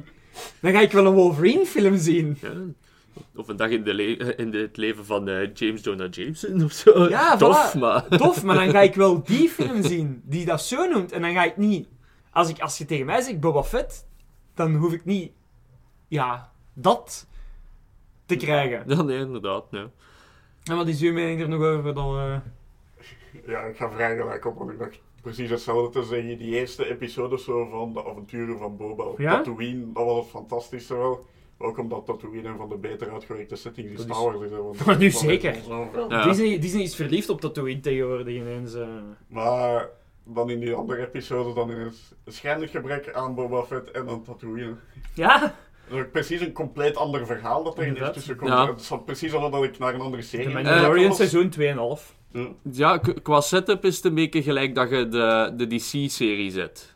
Dat je zo... Ja. Het, het, het is alsof dat je een andere serie hebt gemist een beetje, en dat je die ook nog eerst moet gaan zien voordat je die afleveringen volledig kunt. Zo Want komt het een beetje over. hoe dingen dat dan ook was, van, van hoe dat ik uw mening dan ook deel met de eerste episodes dan, waar dat het avontuur van Boba Fett is, dat je niet moet kunnen volgen om, alleen niet de rest hebt moeten zien om Boba Fett te kunnen zien, Hmm. vervaagt dat helemaal in die episodes. Ja, Want die als je de effect- Mandalorian ja. niet gezien hebt, dan weet je toch niet waar dat, dat vandaan komt. Nee, totaal Wat dat je daar gezien hebt. Allee, ik Ja, vraag dat nu kan- aan ik u, kan met momenten compleet uit de lucht vallen. want in één keer heeft hij dan allee, dinges en dan heeft, doet hij een dingen en dan zegt hij een ding en dan komt hij aan mensen tegen dat je zoiets hebt van, allee, dat kan toch niet dat je dat... Ja, Dat jij dan, allee, ik vraag dat nu aan u, want jij hebt nu de Mandalorian nog niet Dat- gezien, dus dat is eigenlijk een perfecte case study om te, om Ja, te vragen. dat, dat voelt echt aan alsof dat ze daar een episode, anderhalf episode van een andere serie in hun ding hebben geplaatst. Precies. En dat valt daar precies zo uit te tonen. Zeker als je dat niet weet dat die Mandalorian daar vlak voorkomt en dat je dat eigenlijk als één geheel moet zien. Hmm. Als je dat gewoon kijkt van ik wil Boba Fett zien. En dan ineens zit dat daartussen en je weet dan begot niet voor dat Ja, inderdaad. Maar we zullen, we zullen de rest houden voor de spoilers dan. eh, Mhm. en dan de laatste episode. Ja, zeg maar, hè. ik zie u al glimlachen. Ja, ik heb een heel onpopulaire mening en dat is dat ik die eigenlijk echt nog wel goed vond. Is dat een onpopulaire mening? Eh, Ja, ik heb online toch al grotendeels, maar dat kan ook weer gewoon zijn omdat de, me- allee, Omdat Star Wars fans... omdat de mensen met de Star grote Wars mond worden meer ge- gehoord. Hè? Ja, en Star Wars fans zijn Star Wars fans. Ja, spijtig genoeg. Maar ik vond hem effectief echt nog wel, nog wel goed eigenlijk. Ik, had er, ik vond hem goed uitgewerkt. Er waren bepaalde details die misschien een beetje anders hadden gekund. Maar al bij al vond ik het echt nog wel een goede afsluiter eigenlijk voor dat seizoen. Absoluut. Mijn mening is... Het heeft elke storybeat dat gezet op is gehaald, gedaan. Er waren een paar flaws, maar daar in de spoilers meer over. Maar als je het puur objectief beziet, is het een goed seizoen zijnde. Ja. Het heeft alles gedaan wat het gesetup heeft. Het heeft karakters laten evolueren. Soms een beetje te weinig, omdat dan die andere episodes ertussen waren. Dat ze dan meer character building hadden kunnen doen van karakters die in de serie zaten. Maar het heeft eigenlijk elke storybeat gehaald dat het zou moeten halen om objectief een goed einde te zijn. De rest ga ik speed over spreken in de spoilers, want daar kan ik mij niet over uitspreken Mm. zonder... Ja, nee, eh, natuurlijk. Ik vond het einde wel goed. Ik vond wel dat, alleen nu op het einde, de big bad guy die dan verslagen wordt op het einde, dat die er wel laat werd ingebracht. Ja, dat ook. Allee, we kunnen nu in deze section nog niet veel over zeggen, want er Nee. te veel spoilers zijn. Dus dat houden we voor later. Maar dan, nog meer dan te stel ik voor dat we Ja. ja. spoilers beginnen. Hè? Gewoon spoilers. Zo simpel is het. Spoilers! Spoilers! Spoilers! Als je dit alarm hoort, komen er spoilers. Spoilers. Ja, we zitten in de spoilersectie, nu kunnen we all out gaan. Ik denk dat we terug het beste opdelen zoals ervoor. Ja, inderdaad. Zo de, de verschillende afleveringen. een beetje. Ehm ja, de eerste Om dat episode- goed in blokken is op te delen. Hè. Ja, de eerste episodes vond ik... Ik vond vooral het, het, het geschiedenisgedeelte eigenlijk leuk met, eh, met, eh, met eh, de Sand People daar. Ja, Ehm, absoluut. Dat vond, ik, dat vond ik eigenlijk het meest interessante. Het andere was gewoon een beetje setup van hoe dat hij de daimyo wordt van, van, van Ja, inderdaad. zijn deel van Tatooine. Super interessant, Mhm. maar het is wel leuk dat het andere er ook bij was. Ja, Ja, absoluut. dat heeft altijd zoiets Avatar Dancing with Wolves-achtig. Ja. Zo, zo die buitenstaander bij de natives bij komen. Dat heeft Ja. altijd wel iets intrigerend. Ja, en dat ze zo van elkaar leren, dat vind ik ook altijd een leuke. Mm, ja. Dat zo niet enkel het hoofdpersonage is die leert van die buitenstaanders, maar dat die buitenstaanders ook een paar dingen oppikken van... ja, en ook gewoon, je ziet, je ziet een andere kant van de Sand People is. En dat is een heel interessante volk eigenlijk. Ja. In, in Star Wars lore, dat is gewoon zo. Eh, en, en het is tof om die een keer in die setting te kunnen zien. En hem ook in die clan, waardoor dat hij wordt een beetje geadopteerd een beetje. Hoe dat je hem daar ziet opgroeien. Je ziet hem van het begin dat hij eigenlijk eerder een slaaf eerst is. En dan om een Ja. duur werkt hij zich zo op tot een effectief gerespecteerd lid van, van die clan specifiek. En het geeft ook in één keer mee waarom dat hem in één keer zo gebrand is op Tatooine een betere plaats te maken. Ja, absoluut. Want Boba Fett vanuit Empire, nou, die, had geen, die gaf geen, Red's ass om Tatooine. Ja, en ja, dat is een beetje met, met, de, met de kennen. Bijvoorbeeld in Legends gaat dat weer meer hebben, dat hij effectief wel een serieuze, strenge Code of Honor volgt eigenlijk. Dat Ja, effectief... maar, maar nu is het duidelijk in de, niet. in de volledige kennen, in de films en Ja. zo, inderdaad zie je dat hij... Hij is gewoon nu zegt hem cold-blooded. letterlijk in, in de finale van, ah, jij volgt die codes tegen de Mandalorian. En hij zegt, ja, oké, goed, goed voor u. Dus hij doet het. Maar ze geven hem wel een, een, een goede reden waarom dat hij geeft om Tatooine. En waarom dat hij Tatooine van de Pikes wil Mhm. een beetje bevrijden. Wat het eigenlijk de setting is, in mijn ogen, is dat de Empire gevallen is. En dat de Pikes eigenlijk een beetje de nieuwe, de vacuüm dat op Tatooine is, is gecreëerd, zodat de Empire is weggevallen heeft ingevuld. Ja, wat dat in het echt ook zou gebeuren. Ja, inderdaad. Dus in het echt... ook, ook zou gebeuren- Jabba de Hutt Ja, is voilà. gestorven en de Empire is En de- weggevallen, dus er was een serieuze power factor. Ja, en ook de Pike Syndicate is een van de machtigste entities in, in Star Wars Ja, sowieso. Galaxy. Dus Drugsmannen. Drugsmannen. daar kunnen we gewoon niet omheen. Maar nee, dus ik vind het heel interessant. En ook hoe dat ze het hebben aangepakt. Bijvoorbeeld het maken van zijn, van zijn wapen. Dat, dat vind Ja. ik tof dat we dat hebben kunnen zien. En gewoon ja, de, de, de samenhang van die samenleving van Sand People. Ja. Dat is maar één clan dat je hebt gezien. Maar dat moet je rekenen. Je hebt duizenden clans op heel Tatooine die daar... Maar het is leuk dat we ook zo'n case van een andere kant te zien krijgen, gewoon Ja. de, de Sand People. En dat ze eigenlijk zo slecht niet zijn alsof dat ze ons willen laten geloven in de original trilogy en in Mhm. de prequel trilogy eigenlijk. Nu, maar ik denk dat we beter verder gaan naar uh, The Mandalorian seizoen 2,5. Ja, ja. Ehm, Wacht, wacht, in de eerste deel. oh, oh, oh, oh, oh, oh. In de eerste ja. episode was nog wel mijn favoriete deel van die serie. Dat was die aanval op die trein. Ja. ja. Die Absoluut. voor- Ik ben al om de een of andere reden een grote fan van zo'n treins. En ook zo het westernachtige geval die in de Lone Ranger, de finale met die trein. Het deed mij ook vooral denken aan de Naruto spoof, eh, de Ja. Ninja Train. Ninja Train. ja, ik, ik vind zo... En ook hoe dat die trein werd gemaakt eigenlijk. Want ergens zo in Space Age met hypermoderne Ja. technologie is dat niet logisch om zo'n trein te maken. Dat je die motor van voor hebt, maar dat zo'n grote brandende straalmotor boven en dan al die wagonnetjes erachter in gelijk echt een trein, maar visueel... Zoals alles op Tatooine, dat wat Tatooine zo interessant maakt, dat ze precies twee verschillende tijdperken, dat is wel allemaal Ja, ja, en wel, maar... Zo dat dat je daarover begint, want... Ja, maar ik wou ter juiste Ah, zelfs oké. al met het laatste erover beginnen. Ehm, wat ik heel neig vind opvallen in deze serie, en wat ik echt prachtig vind om te zien, je ziet een beetje de vision dat, dat George Lucas origineel met de film zo. Je ziet, allee, ze hebben er rekening mee gehouden dat hij graag western zat. Ja, helemaal mee eens. Buiten dat ene ding. Doctor Who in Star Wars, get the fuck, hè. Ja. Ah nee, ja. eh, ze steurden eigenlijk enkel in één episode. De, de, de mod gang dinges daar. Ze steurden maar in één episode, waarin dat ze echt Doctor Who waren gewoon. Het waren vier Doctor Who mannetjes op hun scootertjes en die... Maar ik vond wel dat ze naar de laatste episode toe, hebben ze dat een beetje gedimd. Mhm. En dan paste het er wel terug meer in. Ja, maar eh, ik moet ook wel zeggen, achteraf met, met een paar van de, van de channels die ik neig volg, die hebben mij ook zo langs de andere kant er laten zien. Bijvoorbeeld, wat dat veel mensen zich bijvoorbeeld aan stoorden, was hoe proper dat dat is Ja. en hoe dat, dat er niet bij past. Maar langs de andere kant, die mensen lieten mij er ook weer op letten. Ze stelen water. En die zijn heel gebrand op hun image. Dus dan zou het ook logisch zijn dat ze water zouden stelen voor bijvoorbeeld hun gear proper te houden. Ja. Op een wereld die voor de rest zo vuil is. Dus als je het langs die kant bekijkt, kan ik het accepteren. Ik, ik, Anders, eh, daarvoor was het echt eh, een doorn in het oog, maar zo met die denkwijze zo'n beetje, vind ik wel dat een beetje eh, sens maakt Ik vind het niet verschrikkelijk. Ik vind het niet verschrikkelijk, maar ik ga er nooit van van zijn. Ja, maar ik vind wel dat het, dat het naar de laatste episode toe, om het Mhm. toon en kat en kat noemen, het is... Na de laatste episode hebben ze het een beetje getoned down en dan passen het er wel in. Ja. Ehm, maar dan gaan we nu over naar The Mandalorian. Hè. Eh, in één keer kijken we naar, wat is het, episode 4 of 5? Ik weet het al niet meer. En de vorige episode eindigde met, heel stilletjes, ik heb dat toen nog gezegd, Mhm. met heel stilletjes... du- du- du-. En Ja. ik zeg, volgende episode begint met Als ik dat er Mandalorian. weer uit ga moeten knippen. Dat moet toch niet? Dat kan, als dat te hoog is, dan vervormt dat die audio.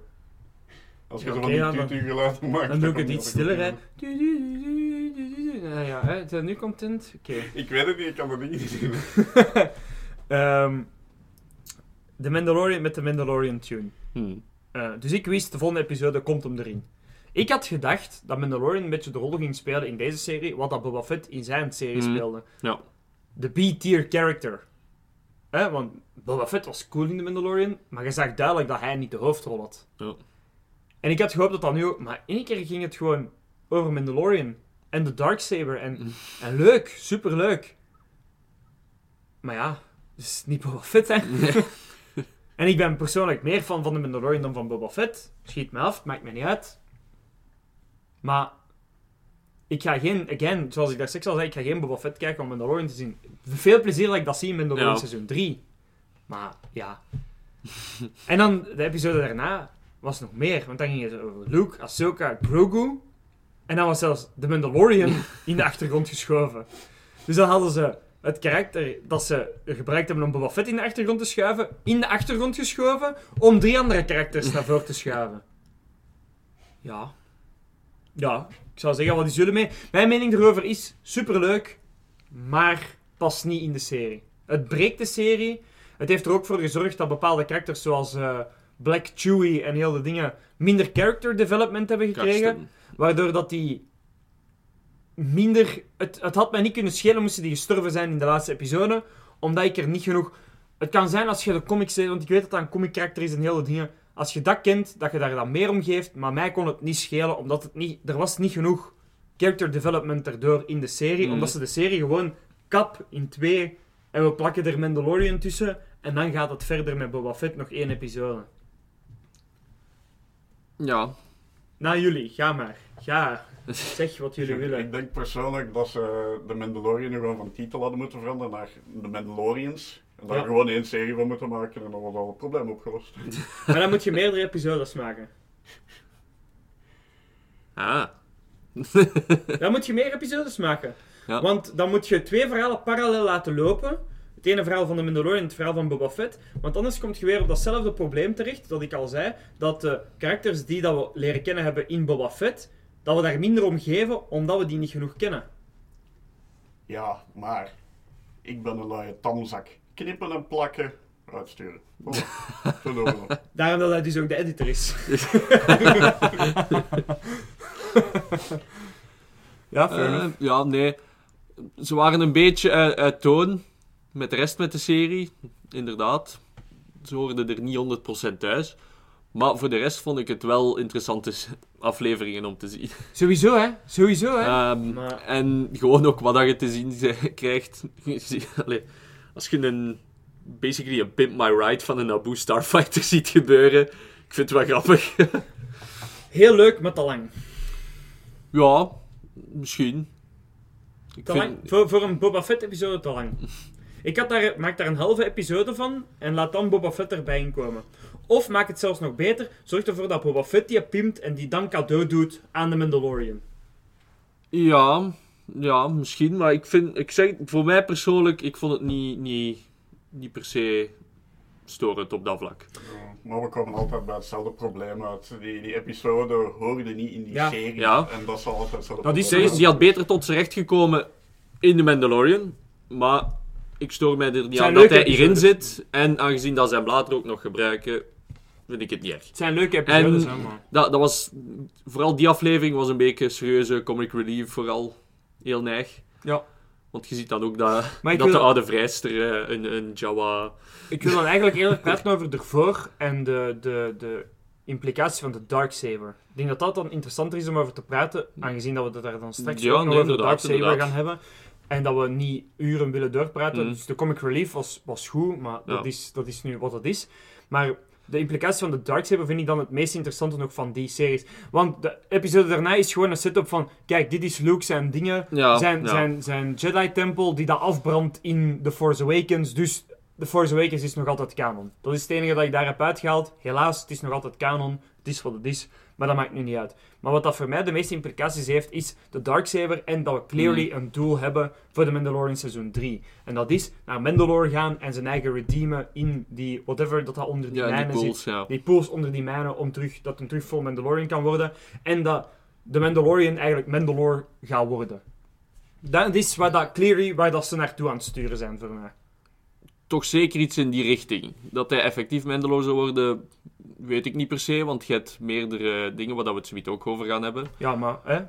Uh, maar inderdaad, je, allee, ik vind om te zien eigenlijk hè, in de opening dat je hem, eh, hem ziet gebruiken en je ziet hem duidelijk struggelen. Allee, Ja. Het eerste stuk gaat nog sava. Dan ziet hem nog iets wat Waarom of zo, dat zullen we voor subiet houden. Ja, ja, dat ook, dat ook. Eh, Maar, dus, hè, de stof, je ziet hem eh, gebruiken, je ziet hem gewoon badass zijn, dat diegene dat hij komt eh, ophalen. Maar, je, je ziet hem ook rondgaken en je ziet een, een coole ringworld. Ja. Wat altijd tof is om te zien. dat ziet ook over meerdere sci-fi franchises terugkomen uiteindelijk. Ehm, ik vind deze, ik vond hem er goed uitzien. En dan, ehm, ja, dat hij terugkomt naar zijn, naar zijn clan, allee, naar zijn clan dat hij had eigenlijk, van op de, de ja, de planeet dat hij zat van in, de eh, hè, ja. eh, van, de, van die planeet, dat hij zat daar. En je ziet ook dat er niemand meer overschiet van die clan. Dus eh, ik weet niet of ik dat er eigenlijk bij zou mogen zeggen, maar... Dus het grootste deel van, van die groep is eigenlijk gestorven in het, ja, na het verdedigen eigenlijk van, van Mhm. Mendo. Toen dat hij de child heeft gered eigenlijk van, eh, allee, van, van die Imperial Remnants die daar zaten. En ik vind het tof dat ze hier laten zien dat ze het proberen te herbouwen. En dat is ook iets dat, dat gewoon bij de Mandalorians hoort. Gewoon herbouwen en blijven gaan. En wat ik ook heel tof vind, is dat pas Vizsla, dus de, de heavy infantry eh, Mandalorian, dat je hem ziet moeilijk hebben dat, dat Mendo de, de Darksaber heeft. Omdat, ja, ook voor subiet, maar wel dat klein eh detailje ga ik er wel over zeggen. Dus de, de Darksaber is gemaakt door een van zijn ja, voorvaderen. Ja. Dus eigenlijk de, de hoofd van, van Clan Vizsla, die heeft to- toen in de tijd die Darksaber gemaakt. Dus hij vindt dat hij meer recht heeft op die Darksaber dan, dan Mendo zelf. Ja. Eh, en dan zie je natuurlijk ook de fight tussen hun twee. Hij wordt uit, eh, uit zijn clan een beetje gezet en dan eh zie je hem verder gaan. Wat ik wel interessant vond. Ja. En dan denk ik dat we nu beter overschakelen naar de, de laatste, De laatste episode. aflevering, ja. Eh, want anders gaan we hier veel, veel te hard uitlopen. Ja. Ehm, de laatste episode, again, wat ik ervan wil zeggen is, elke storybeat is gehit. Character development trok op niks. Boba Fett ehm, was, was ik half fan van. In het begin van de episode was ik er geen fan van, want elk idee dat Boba Fett gaf, de meester tactician, de bounty hunter van alle bounty hunters, wordt gewoon buitengesmeten door een hoopje pubers, wat dan wel vrij accuraat is natuurlijk, van pubergedrag. Ehm, hij zegt, we gaan naar het paleis, want daar kunnen we beter verdedigen. Nee, we blijven hier in een afgebrand kot zitten. Allemaal leuk. Het loopt allemaal mis. Boba Fett had dus weer gelijk. En dan schiet het eindelijk van start. En dan gaan ze Boba Fett zijn dingen beginnen volgen. En vanaf dan was ik wel mee. Maar het begin van de episode had ik zoiets van... Ja. Ja.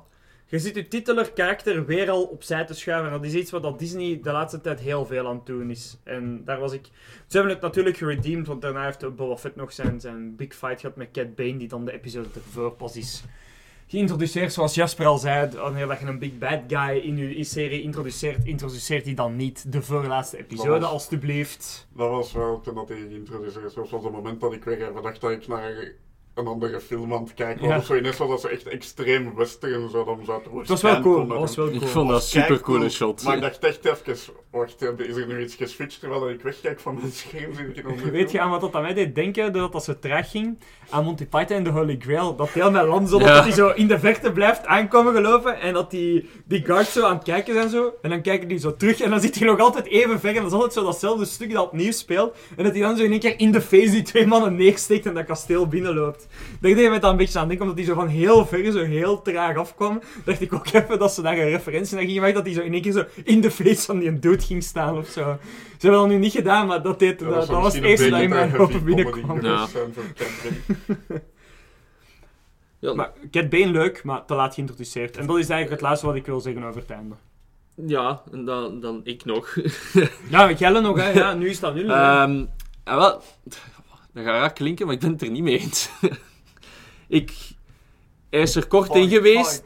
Nee, nee, dat is gewoon... Oh, Hoe dan ook, ik vind dat eigenlijk niet super erg, want dat houdt een beetje van de intrigue rond Cat Bane een beetje. En dat, dat vind ik meer bij hem passen dan dat je hem echt vol een bak zou gebruiken in die serie. Of dat je hem meerdere episodes... je moet ik vind... hem niet vol een bak gebruiken, maar je moet hem rapper introduceren. Dat hem in ons hoofd zit, dat hem een overarching bad guy is. Want de Pikes zijn er, maar hij is wel de hoofdbad guy. En dat zal zijn alsof dat ze Infinity War hebben gemaakt en dan pas Thanos introduceren. Wat als ze daarvoor hebben gedaan, is die geteased. En je moet die in één episode 1 of 2 moet die geteased worden. Dat ze die een contract geven en dat je, iets, dat je die een naam ziet verschijnen of whatever, dat je weet dat die eraan zit te komen. Meer moet dat niet zijn, hè. Ja, Maar intrigue, allemaal goed en wel. Helemaal mee eens. Hè. Het maakt hem cool, het maakt hem meer shady en het, maakt hem, het liet hem gevaarlijker lijken. Dat we niet weten Ja. waar komt hij uit, waar komt hij in dingen.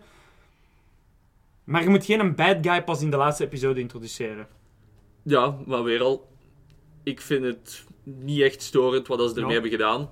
Ook omdat er mogelijkheden zijn dat we hem nog gaan terugzien. Dus Ja, het is in het midden laten liggen, liggen of dat hem dood is of niet. Nee, ik denk dat het er vooral het- van afhangt hoe populair dat hem nog de is. bij kans is er. Ja. En daarmee, ik vind het niet erg hoe dat ze het nu hebben aangepakt. Ik vind het bij hem passen, ook door hoe, hoe dat hij is als, als karakter in de, in, de, in de lore eigenlijk een beetje. Ehm, en ook hoe gevaarlijk dat hij is, dat hebben ze ook gewoon goed laten zien toen dat hij de Marshall gewoon... Afknallen, hè, ja. Wup. Maar dat was wel Da- cool. daar zie je zijn skill in goed. En dan op het einde, dat is een beetje, ja... In, in de lore hebben Boba Fett en, en, en Cat Bane, die hebben een, die hebben een, ja, Misschien niet. die hebben, ja, die hebben een gedeelde geschiedenis met elkaar. Maar in de Clone Wars ook. Ja. En in de... um, Allee, en vooral, vooral in, de, in de comics en zo, zie je dat, dat ze één keer een shootout hebben, maar dat hebben ze niet gebruikt. Dat was een aflevering van de Clone Wars dat ze die hebben gebruikt. Ehm, maar dat is wel in de lore opgenomen. En dat vind ik dat ze heel goed hebben gedaan ook.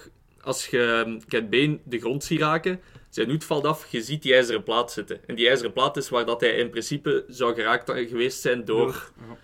Door, ehm, ja, door. Boba zijn, eh, zijn, zijn, eh, ja, zijn laserbolt. Ja, fair enough.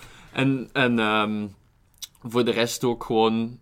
Ik, ik vind vooral, wat aan mij het meest stoorde aan die laatste, was gewoon random Grogu ertussen gesmeten. Ik vind het cool wat dat hij heeft. En Beast, met het, eh, Beast Control is een power die niet veel Jedi Nou, dus hebben. even voor de duidelijkheid, de Rancor komt, er, Ja. komt in de eerste episodes erin en dan gaat Boba die gebruiken in de laatste episode, want basic storytelling zegt Chekhov's gun, Ja. we hebben de Rancor gezien in de eerste episodes, dus moet die gebruikt Ja. worden in de finale voor het op te lossen. En wat ik vooral tof vind, wat, eh, wat dat ze met de Rancor hebben gedaan, ze laten zien dat dat niet alleen maar een lumbering slow Monster is, beast ja. is. Die zijn effectief wel, die kunnen snel zijn en zo. Natuurlijk, vroeger in de films dat moesten ze doen wat ze... kunnen ze een bijl gebruiken, want een aap met een bijl Ah, wordt gereferenced in de, in, de, in de finale. En het is zo, ik heb het opgezocht, het is een referentie naar King Kong. Als die, eh, die Rancor op Ja. die... die Ja, op die toren. dus nu vraag ik me af, gaan we in Boba Fett seizoen 2 een Rancor met een bijl krijgen? Tuurlijk, Ik hoop het, hè. dat kan niet anders. En dan gaan jullie weer de hele tijd moeten horen, Rancor met een Eh, Rancor met een Ehm, bijl. En dan het andere dat je daar juist over had, da- daar volg ik je wel een beetje in. Eh, Dat, ehm, ja, voor wat meer casual kijkers is er te weinig character Ja. building geweest voor Karsten en zo. En, en dat is dan- Black eh, Chewie. Ja. Ehm, terwijl, ja, als je wel veel weet over de lore, maar daar daar mocht je niet van uitgaan, vind ik, als je een serie maakt. Exact, exact. Ik je haalt me Dan is, dan is dat een super interessante karakter, met alles wat hij heeft meegemaakt. Maar inderdaad, in de serie hadden ze hem iets beter kunnen.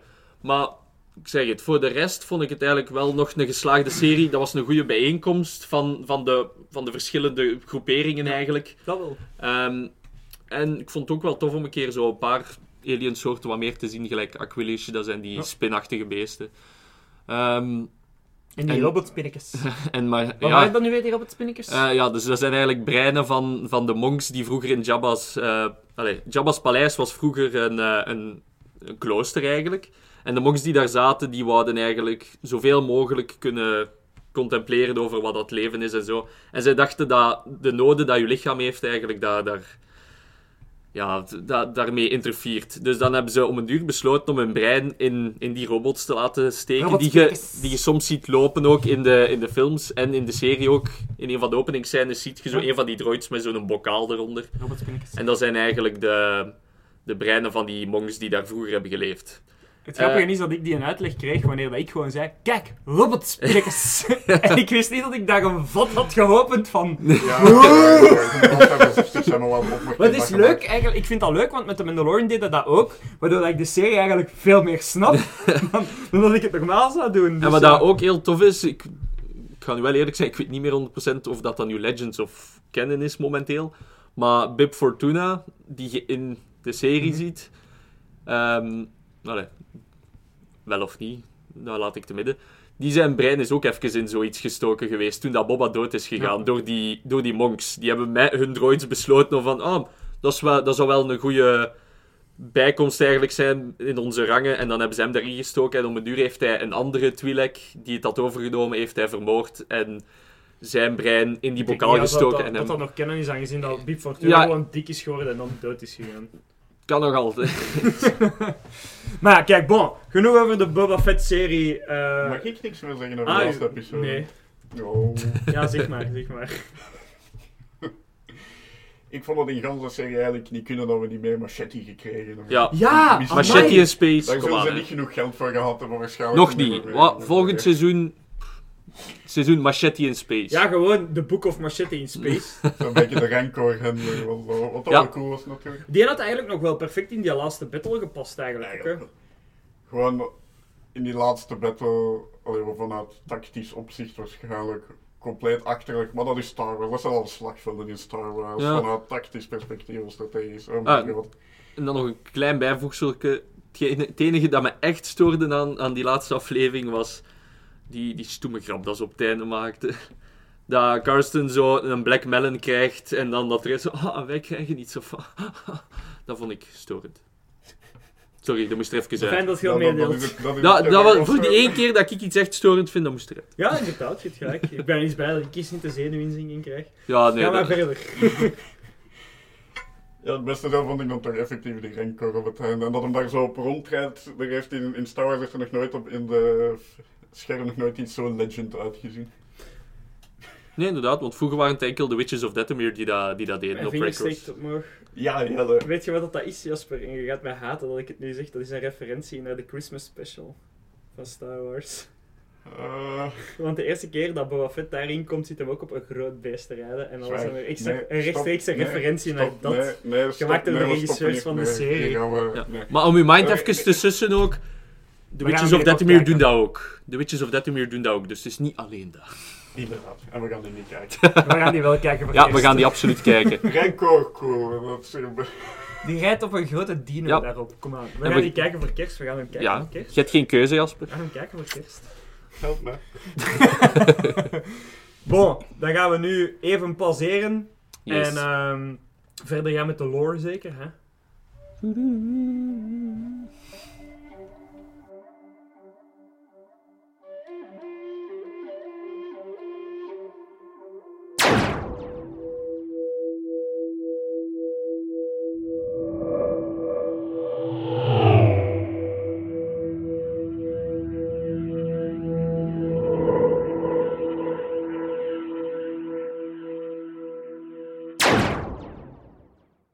Aan het lachen naar Jasper, want ik mocht dit niet meer zeggen, maar ik ga het toch doen. Dank je voor het teuntje. Mother. hey, family friendly, hè. Family friendly. Of vadermakker. veel beter, veel beter. Ehm, we zitten in het lore gedeelte, waarin dat eh, professor Arne eh eh, ons gaat educeren, Jasper, over eh, ten eerste een beetje geschiedenis over de Mandalorians. Eh, zowel Legends als canon. Legend, ja, Legends en Canon. Wat daar, wat daar een beetje flip-flopt.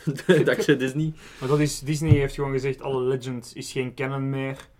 Maar Ja, maar dat, dat, ondertussen brengen ze dan gedeeltes terug en niet. Dus ja, dat is, eh, interchanged continu. Sommige dingen worden terug in Canon gestoken, andere blijven in Legends voor de rest van hun leven. Daarna gaan we het even hebben over de Darksaber, omdat het dan weer een prominente rol heeft gespeeld voor Mendo in The Book of Mandalorian. En dan gaan we het nog eens hebben over Robert zelf. Boba? Ehm, dus wij zijn gewoon de brave studentjes. En professor Arne gaat het subiet van mij overnemen, maar ik dacht we gaan het even inleiden Ja. Ehm, dus dan geef ik nu geef ik weer het roer over. Ja, nu, alsjeblieft. waar. Je wil niet weten hoeveel kots dat hier ligt ondertussen. Dat is eh, niet oké. Liters. Niet. En ze weet mag Jasper dat hier ook opkuisen. Family friendly. Family friendly. Kots is family friendly. Every family vomits. Ja, voilà, dat is toch niks mis mee. Laat hem maar.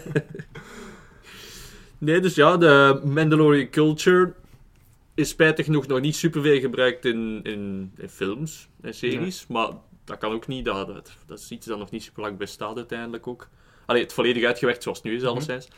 Ehm, maar in, in de lore... eh, ja, in de loreboeken en zo, en zo is het allemaal veel beter uitgewerkt geweest. En dat is, die hebben eigenlijk een heel interessante geschiedenis achterin. Want allee, in principe, de cultuur Mandalorian, in het begin was dat... Allee, dat zijn niet enkel mensen, in het begin zelfs helemaal niet, want die zijn origineel begonnen als, als een soort die de Tong noemde.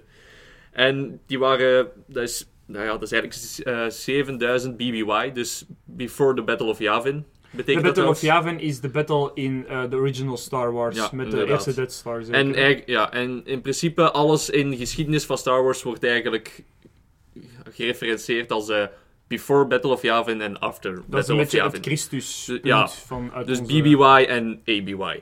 Ja. Dus Mandalorian Culture gestart, 7000 BBY ongeveer. En dat waren de Tong species. Die waren eigenlijk heel oorlogzuchtig en dat kwam doordat die drie goden hadden. Eh, de exacte namen, dat is iets voor als je er echt een diepere dive in wilt doen. Maar er zijn drie goden en het komt erop neer dat die eigenlijk...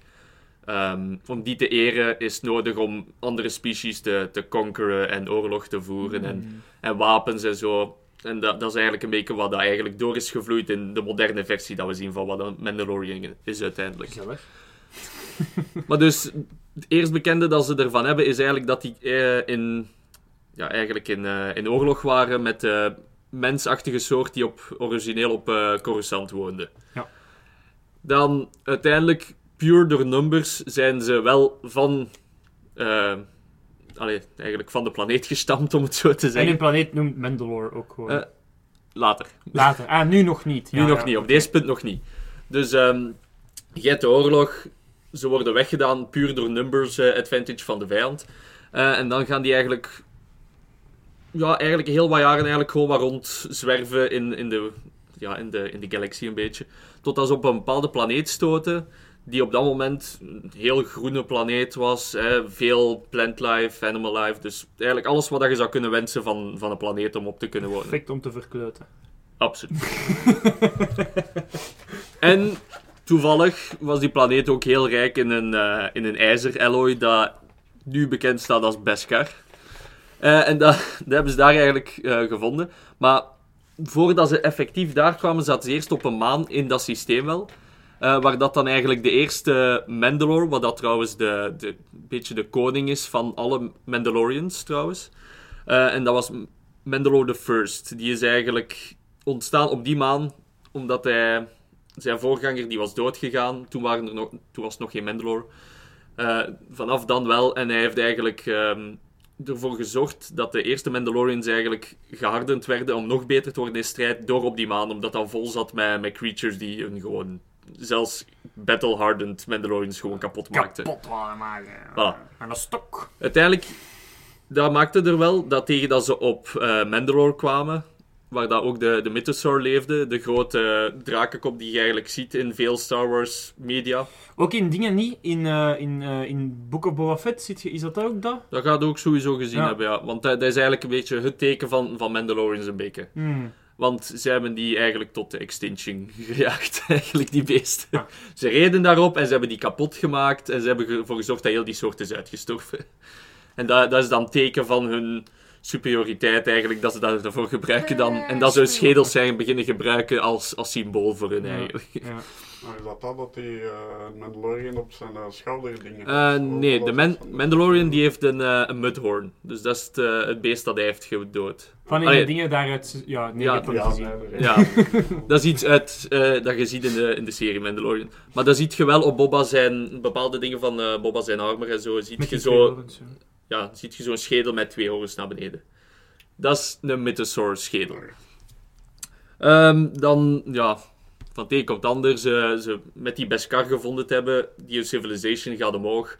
En dan begint ze eigenlijk met de Mandalorian Crusades. Eh, net als bij de Crusades hier, eh, gewoon expansion tot en met. En gewoon soort na soort kapot maken. Ehm, en dan ja, werelden overnemen in de naam van die goden ook, in het begin nog. Eh, totdat ze op een bepaalde groep mensen, die we nu kennen als Jedi, zijn eh, gestoten. Oh! Eh, en dan, The Mandalorian Wars! Ik had het niet door tot nu. ja, dus, dus om een duur Sorry. om een duur, op dat moment had je al Jedi's die al in een soort. Trouwens, het begin, die bestaan al langer dan de Old Republic. Dus die zijn begonnen Ja. in het midden van de Old Republic ongeveer. En die hebben dan het einde meegemaakt in het begin van, van ja, de Republic dat wij kennen. Ja. Eigenlijk. Eh, maar dus ze stoten op eh, de Jedi door een expansion die eigenlijk steeds dieper naar, naar de deep core gaat. En dan hebben ze gezegd van, het is genoeg geweest. En dan ehm, zijn ze eigenlijk begonnen met eigenlijk ook weer al jarenlange oorlogen tegen de Jedi. Waar dat ze eigenlijk ook respect hebben geleerd voor de Jedi. Ehm, omdat, ja, ze hebben een krijger gevonden die eigenlijk hun kan counteren zonder probleem. Wat dat er dan heeft voor gezorgd dat ze eigenlijk weer een, technologie weer een serieuze boost heeft gekregen in ontwikkeling. Waardoor dat ze dan dingen gelijk hè, vlammenwerpers, ripcord, dat soort dingen allemaal Jetpacks. jetpacks. En bijvoorbeeld ook, wat dat heel tof is, ze, ze hebben eigenlijk een, een versie van Force Push gemaakt eigenlijk. De Mandalorians. Dat is eigenlijk dat ze ja, echt een luchtstoot uit een gauntlet kunnen laten komen dat eigenlijk gewoon vijanden kan wegslingeren Oh, tot cool. en met. Dus dat, dat is eigenlijk een beetje in de image van de Jedi dan dat ze het hebben gedaan. Dan, ja, uiteindelijk de Jedi hebben gewonnen wel.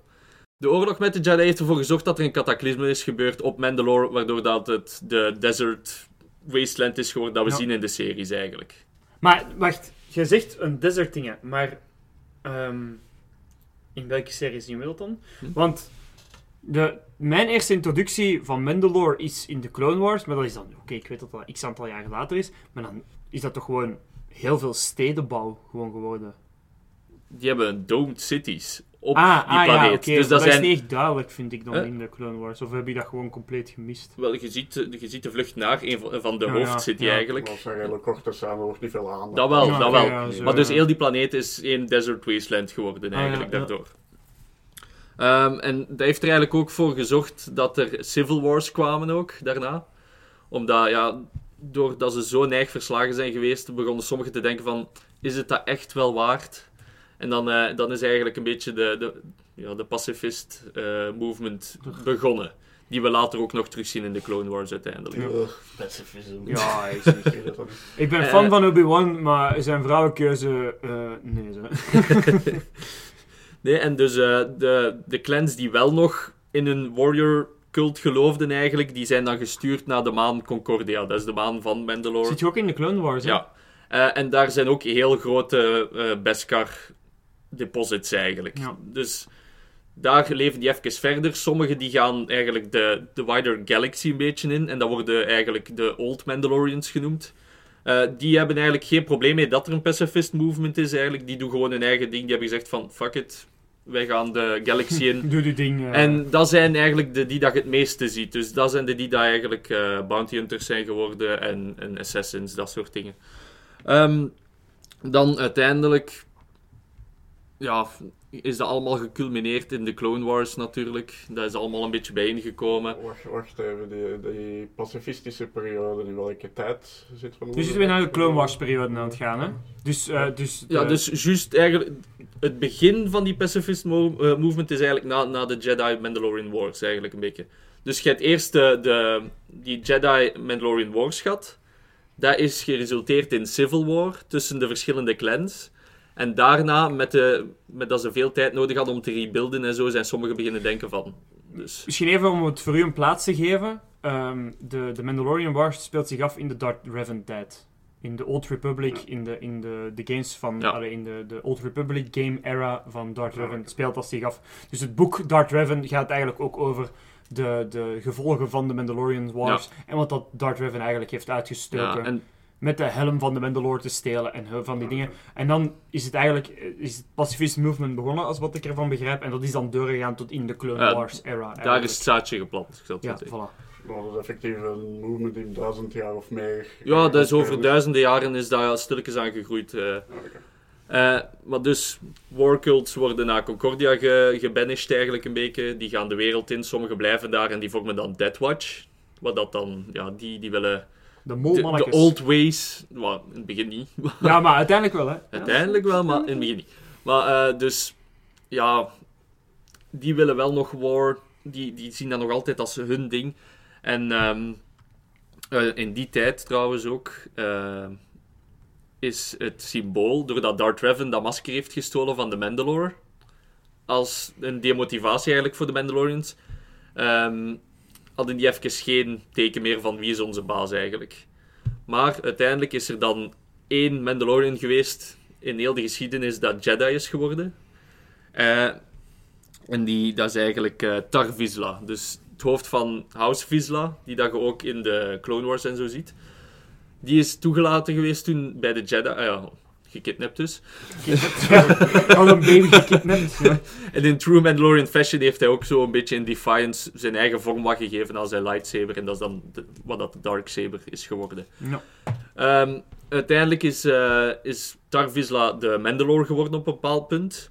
En dan is hij ook op een bepaald punt gestorven. En dan heeft de Jedi eigenlijk gekozen om ja, eigenlijk die Darksaber te gaan pieken. Omdat ze dat te gevaarlijk vonden om dat bij niet-Jedi mensen eigenlijk te laten. En hebben ze dat opgesloten in een kluis in de Jedi-tempel. Maar dan heeft er eh, een deel van de Death Watch eigenlijk... Allee, precursors van de Death Watch eigenlijk een beetje... Die hebben een, eh, een raid uitgevoerd op de Jedi-tempel en die hebben dan de Darksaber teruggepikt eigenlijk. Waardoor dat eigenlijk de, de persoon van Death Watch eigenlijk, Privisla, die is op Hmm. die manier eigenlijk aan de Darksaber geraakt. Ja. En vanaf dan wordt hij eigenlijk een beetje gezien als de Mandalore van die periode. In de tussentijd zijn er heel veel geweest, maar het zijn er te veel om, om hierin te noemen. Dus Ja, dan zijn we daar gaan we later bezig. nog links naar geven, dat je dat kunt opzoeken Ja. als je wilt. Ja, ik zal, eh, hij heeft mij een paar video's doorgestuurd dat daar verder Ja. op detail in gaan. Ik zal die allemaal in de descriptie van, van de episode zetten Mm. op het einde. Als je dan er echt, als je dan zegt, oh, ik wil nog meer weten, dan eh kun je daar nog verder op ingaan. Maar ik denk dat het nu beter is dat we overschakelen naar eh, de Darksaber, aangezien dat je daar nu Ja, al naartoe aan het ja, neigen bent. Ik weet had nog wel een vraagje. Ehm, dat is, de Mandalorians dat is dan begonnen als zo veroverend alienras. Ja, is dat dan inderdaad. zeker? En dat is dan latere mensen geworden. Ah, wel, ja. eh, het ding is een beetje, de, de Tong zijn, zijn stilletjes aan beginnen uit te sterven eigenlijk een beetje. Maar eh, uiteindelijk, de Mandalorian Creed zegt niet dat je geen alien of zo mocht zijn. Dus Dus dat is dat de Elke ja. Ja. ja, dus dat is, eh, van een soort is dat veranderd in een cultuur. Dus iedereen kan een Mandalorian worden, zolang dat je de Mandalorian Creed volgt eigenlijk. Ik vind, dat, ik vind dat eigenlijk dat dat een beetje vergelijkbaar is met ehm, de, de vikinggeschiedenis. Als je het waard bent en je bent een goede warrior, Ja. of je bent een foundling van iemand van de creed van de Mandalorians, kun je ook een Mandalorian worden. Waardoor dat de verschillende rassen eigenlijk in dat Mandalorian gegeven zijn ingegaan. Dat zijn niet alleen maar mensen, dat zijn aliens, dat zijn iedereen dat het waardig is om een Mandalorian te zijn en gewillig is om de creed te volgen, is eigenlijk Mandalorian. En de eerste niet-tong-soort die Mandalorians zijn geworden, waren eigenlijk Giants, die, waar dat de Mandalorians tegen het vechten waren. Die hun haten, maar langs de andere kant ook die hun filosofie zo konden appreciëren dat ze zeiden van, eh, waarom niet? dat, is, eh, dat is eigenlijk de eerste niet-tong-soort die dat is geworden. Maar om een duur is dat geëvolueerd. Datgene dat je nu ziet, dat vooral mensen zijn, omdat ja, mensen kweken gelijk konijnen en die nemen alles over. Ja, Ook in de. Star Wars Galaxy. Ja. Grogu gaat dus Mandalore worden. Hij gaat de Darksaber Eigenlijk, worden. eigenlijk kan Grogu is nu eigenlijk full Mandalorian. In de Creed, in de Creed Ja. sense of a way. Want hij is de foundling en hij heeft echt volledig gekozen om de Creed nu te volgen met dat hem voor, voor de Mandalorian heeft Ja, gekozen. voor de eigenlijk. it, hij gaat Mandalore worden. Nee, maar dus, ehm, ja, de Darksaber, er is uiteindelijk niet superveel van gekend. Ook in, in de volledige lore gewoon niet. Dus dat is gemaakt door Tar Vizsla. Dus de e- eerste en enige Man- eh, Mandalorian die tot de Jedi-orde mocht toetreden. Die heeft dat dus gemaakt een beetje ehm, om zijn eigen ding wat te doen. Dus niet een gewone cilinder die licht geeft. Maar, Wat ook al best cool is. maar meer, meer gelijk traditionele wapens eigenlijk gemaakt. Omdat, ja, wapens zijn eigenlijk in Het is meer katana-achtig, vind ik zo. Allee, die heeft er meer van weg. Ja, het, het- lijkt gewoon vooral op... Allee, eh, Mandalorians gebruiken ook heel graag echte zwaarden. Ja. Die van Beskar zijn gemaakt. dat weet ik ook niet of dat op het moment Legend of Kent is op deze Ik denk moment. dat het voor het moment dat Legend is, want in de Boba Fett wordt er gezegd dat er geen wapens mogen gemaakt worden van Beskar. Want vandaar ook dat ze die, eh, die speer omsmelten Mm. naar de, de chainmail voor, Ja, eh, voor, voor Grogu. dingen, voor Grogu. Maar ja, hoe oud is die regel dan? Want er zijn er dus wel Ja, het kan zijn dat dat vroeger wel geweest is, maar dat ze dat gewoon hebben achterwege gelaten natuurlijk. Hè. Ja, want uiteindelijk, Mandalorians die hadden ook heel veel speciale wapens. Bijvoorbeeld, je had een gauntlet die bekleed was met Beskar. Dat werd gebruikt in de Mandalorian Jedi War. Daarmee kon de Mandalorian gewoon een lightsaber vastpakken. Wow. Dus, wow. dat, was, dus dat was belachelijk sterk tegen Jedi's. Maar als Dus je dan als Jedi daar staat, dan heb je toch zoiets van... ah, that moment he knew. maar, dus, Fucked up. maar dus, na die iets meer traditionele stijl van wapens, heeft dus Starvis eigenlijk zijn, zijn lightsaber ontwikkeld eigenlijk. Want Ja. En dat gaat, dat is gewoon een, spe- een specifieke emitter dat je daar dan voor moet gebruiken en zo. En dat is eigenlijk tot stand gekomen tot, tot de Darksaber. En dat is dan om een duur heeft dat de plek van de, het masker van de Mandalore overgenomen. Omdat het masker van de Mandalore dan weg was door... Gepikt. En dan uiteindelijk is, is de Darksaber het teken geworden van de Mandalore. En mag ik nu even vragen... Ja, tuurlijk. ehm, waar komt de... Wat is de curse van de Darksaber en waar komt dat vandaan? Want daar wordt heel veel over gesproken in, in vooral de Mandalorian-serie en in de Clone Wars dan ook. En, en heb je daar iets over gevonden waar dat, dat vandaan komt? En vooral ook, waarom is de Darksaber zo zwaar? Ja, Dat is iets dat, dat mij echt brandt, wat ik graag wil weten. ja, veel mensen. En ik heb ook verschillende van mijn eh, YouTube-kanalen die ik volg over Star Wars en zo. En dat is allemaal, vooral voor de moment, een beetje speculatie eigenlijk. Ja. Want wa- waarom dat het een beetje een curse is, is eigenlijk, dat, dat zit wel in de geschiedenis van Darksaber. Dat is gewoon, je moet hem winnen via combat. Ja. Van de vorige Mandalore eigenlijk. Als je dat niet doet, heb je hem onrechtmatig verkregen en dan, dan zou er iets gebeuren met de Mandalorian culture. Wat dat, ja, vanaf dat je regels niet begint te volgen van de culture, in echt Ja. ook, dan verkruimelt die culture gewoon. Mhm. Zo simpel is het. En dat, dat is een beetje daarin gebracht daarvoor, denk ik. En dan uiteindelijk, je ziet dat ook met dat de Darksaber eigenlijk onrechtmatig naar Bo-Katan is gegeven. Oh, Bo-Katan. En nadat zij dat heeft gekregen, is ook de, de Night of Thousand Tears gebeurd. Dus de, de extermination eigenlijk van de Mandalorians door de Empire op Dus dat er moment. is wel dus er is, een waarheid. voilà, er is effectief iets gebeurd geweest, ter- terwijl dat iemand hem had, terwijl dat ze het niet verdiende. Ja. En daar komt een beetje dan waarschijnlijk dat verder groeit in het bijgeloof dat je nu ziet in de, in de serie een beetje. Maar dat, voor, voor de moment is het eigenlijk vooral nog een beetje speculatie, hoe of wat. En dan het andere ding is eigenlijk dat de Darksaber, die is ook een beetje speciaal met dat het eigenlijk ehm, semi-sentient is, een beetje, Mhm. van hetgeen dat je kunt vinden The in de lore. chooses the wizard, zo'n beetje. Zoiets in de aard. Dus de, de leading theory is nu een beetje eigenlijk dat, ehm, dat eigenlijk de Darksaber nu aanvoelt dat het eigenlijk niet klopt. Of de- omdat Din Djarin hem eigenlijk wat aan Bo-Katan geven. Terwijl dat zij ook het vorige heeft veroorzaakt, volgens de Mandalorians.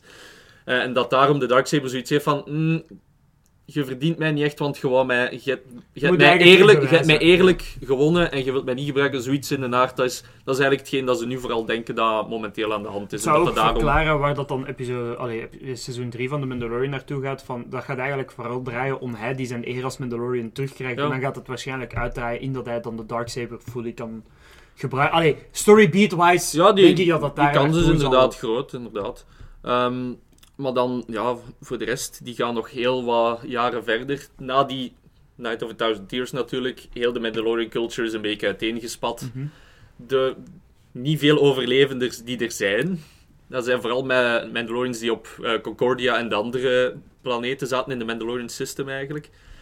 Die zijn verspreid over de, over de galaxy eigenlijk een beetje. En die zijn dan in, in, ja, een beetje in coverts beginnen Mhm. leven, gelijk dat je in de Mandalorian ziet.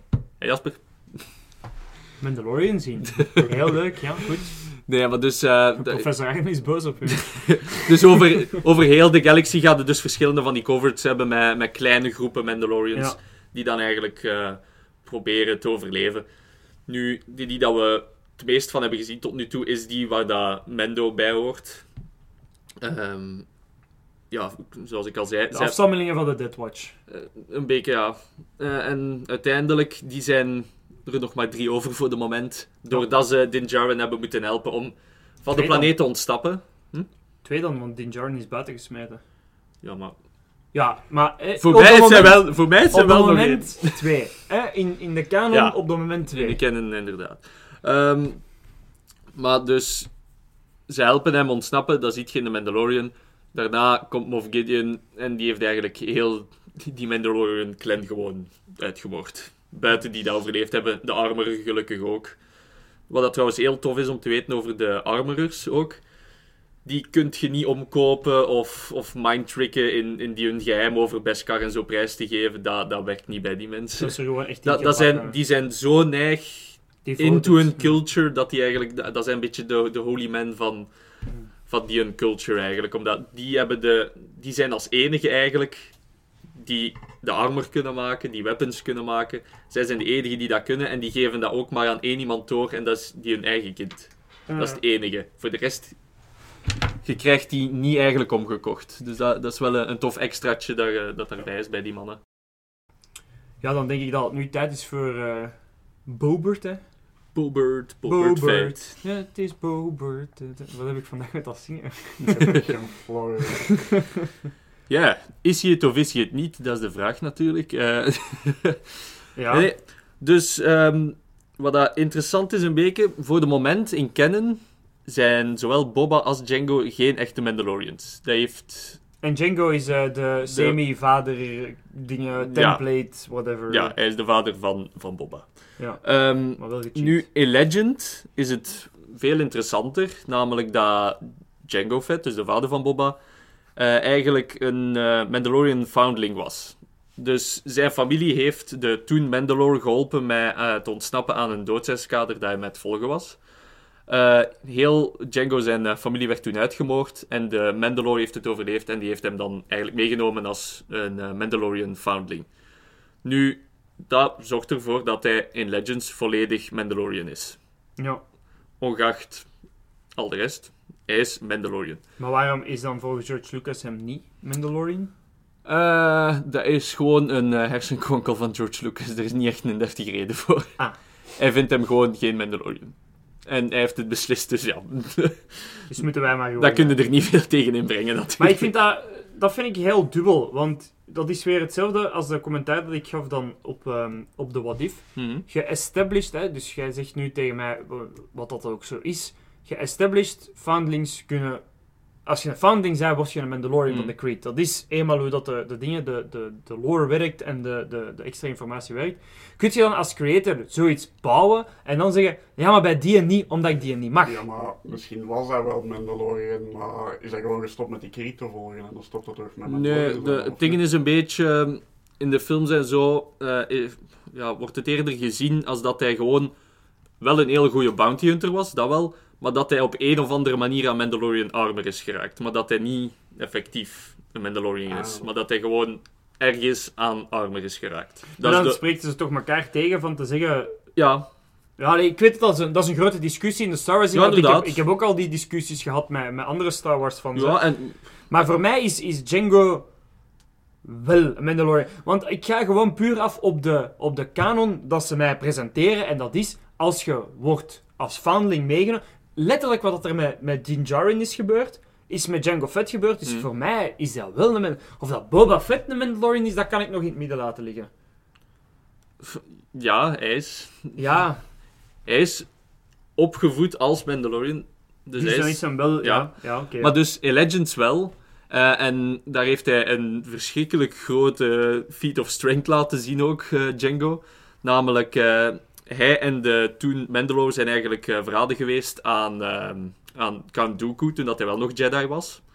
En die is dan met zeven andere Jedi's eigenlijk op die groep afgekomen. En die hebben die eigenlijk gewoon volledig kapot gemaakt. Maar Django heeft wel met zijn blote vuisten drie Jedi's gewoon vermoord. Maar dan is Django doodgegaan. Nee, nee, Django Ah. heeft het overleefd, hè, maar de rest van zijn groep is allemaal doodgegaan. Dus hij was de laatst overlevende eigenlijk van die groep Mandalorians. Eh, en hij heeft drie Jedi's gewoon met de blote hand vermoord, voordat ze hem konden oppakken.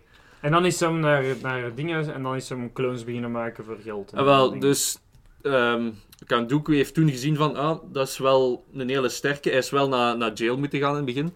Maar vanaf dat dan eigenlijk Count Dooku over is gegaan naar Darkseid, heeft hij dat onthouden en heeft hij iets geregeld, waardoor dat de verschillende bounty hunters eigenlijk een bepaalde opdracht kregen. Allemaal dezelfde.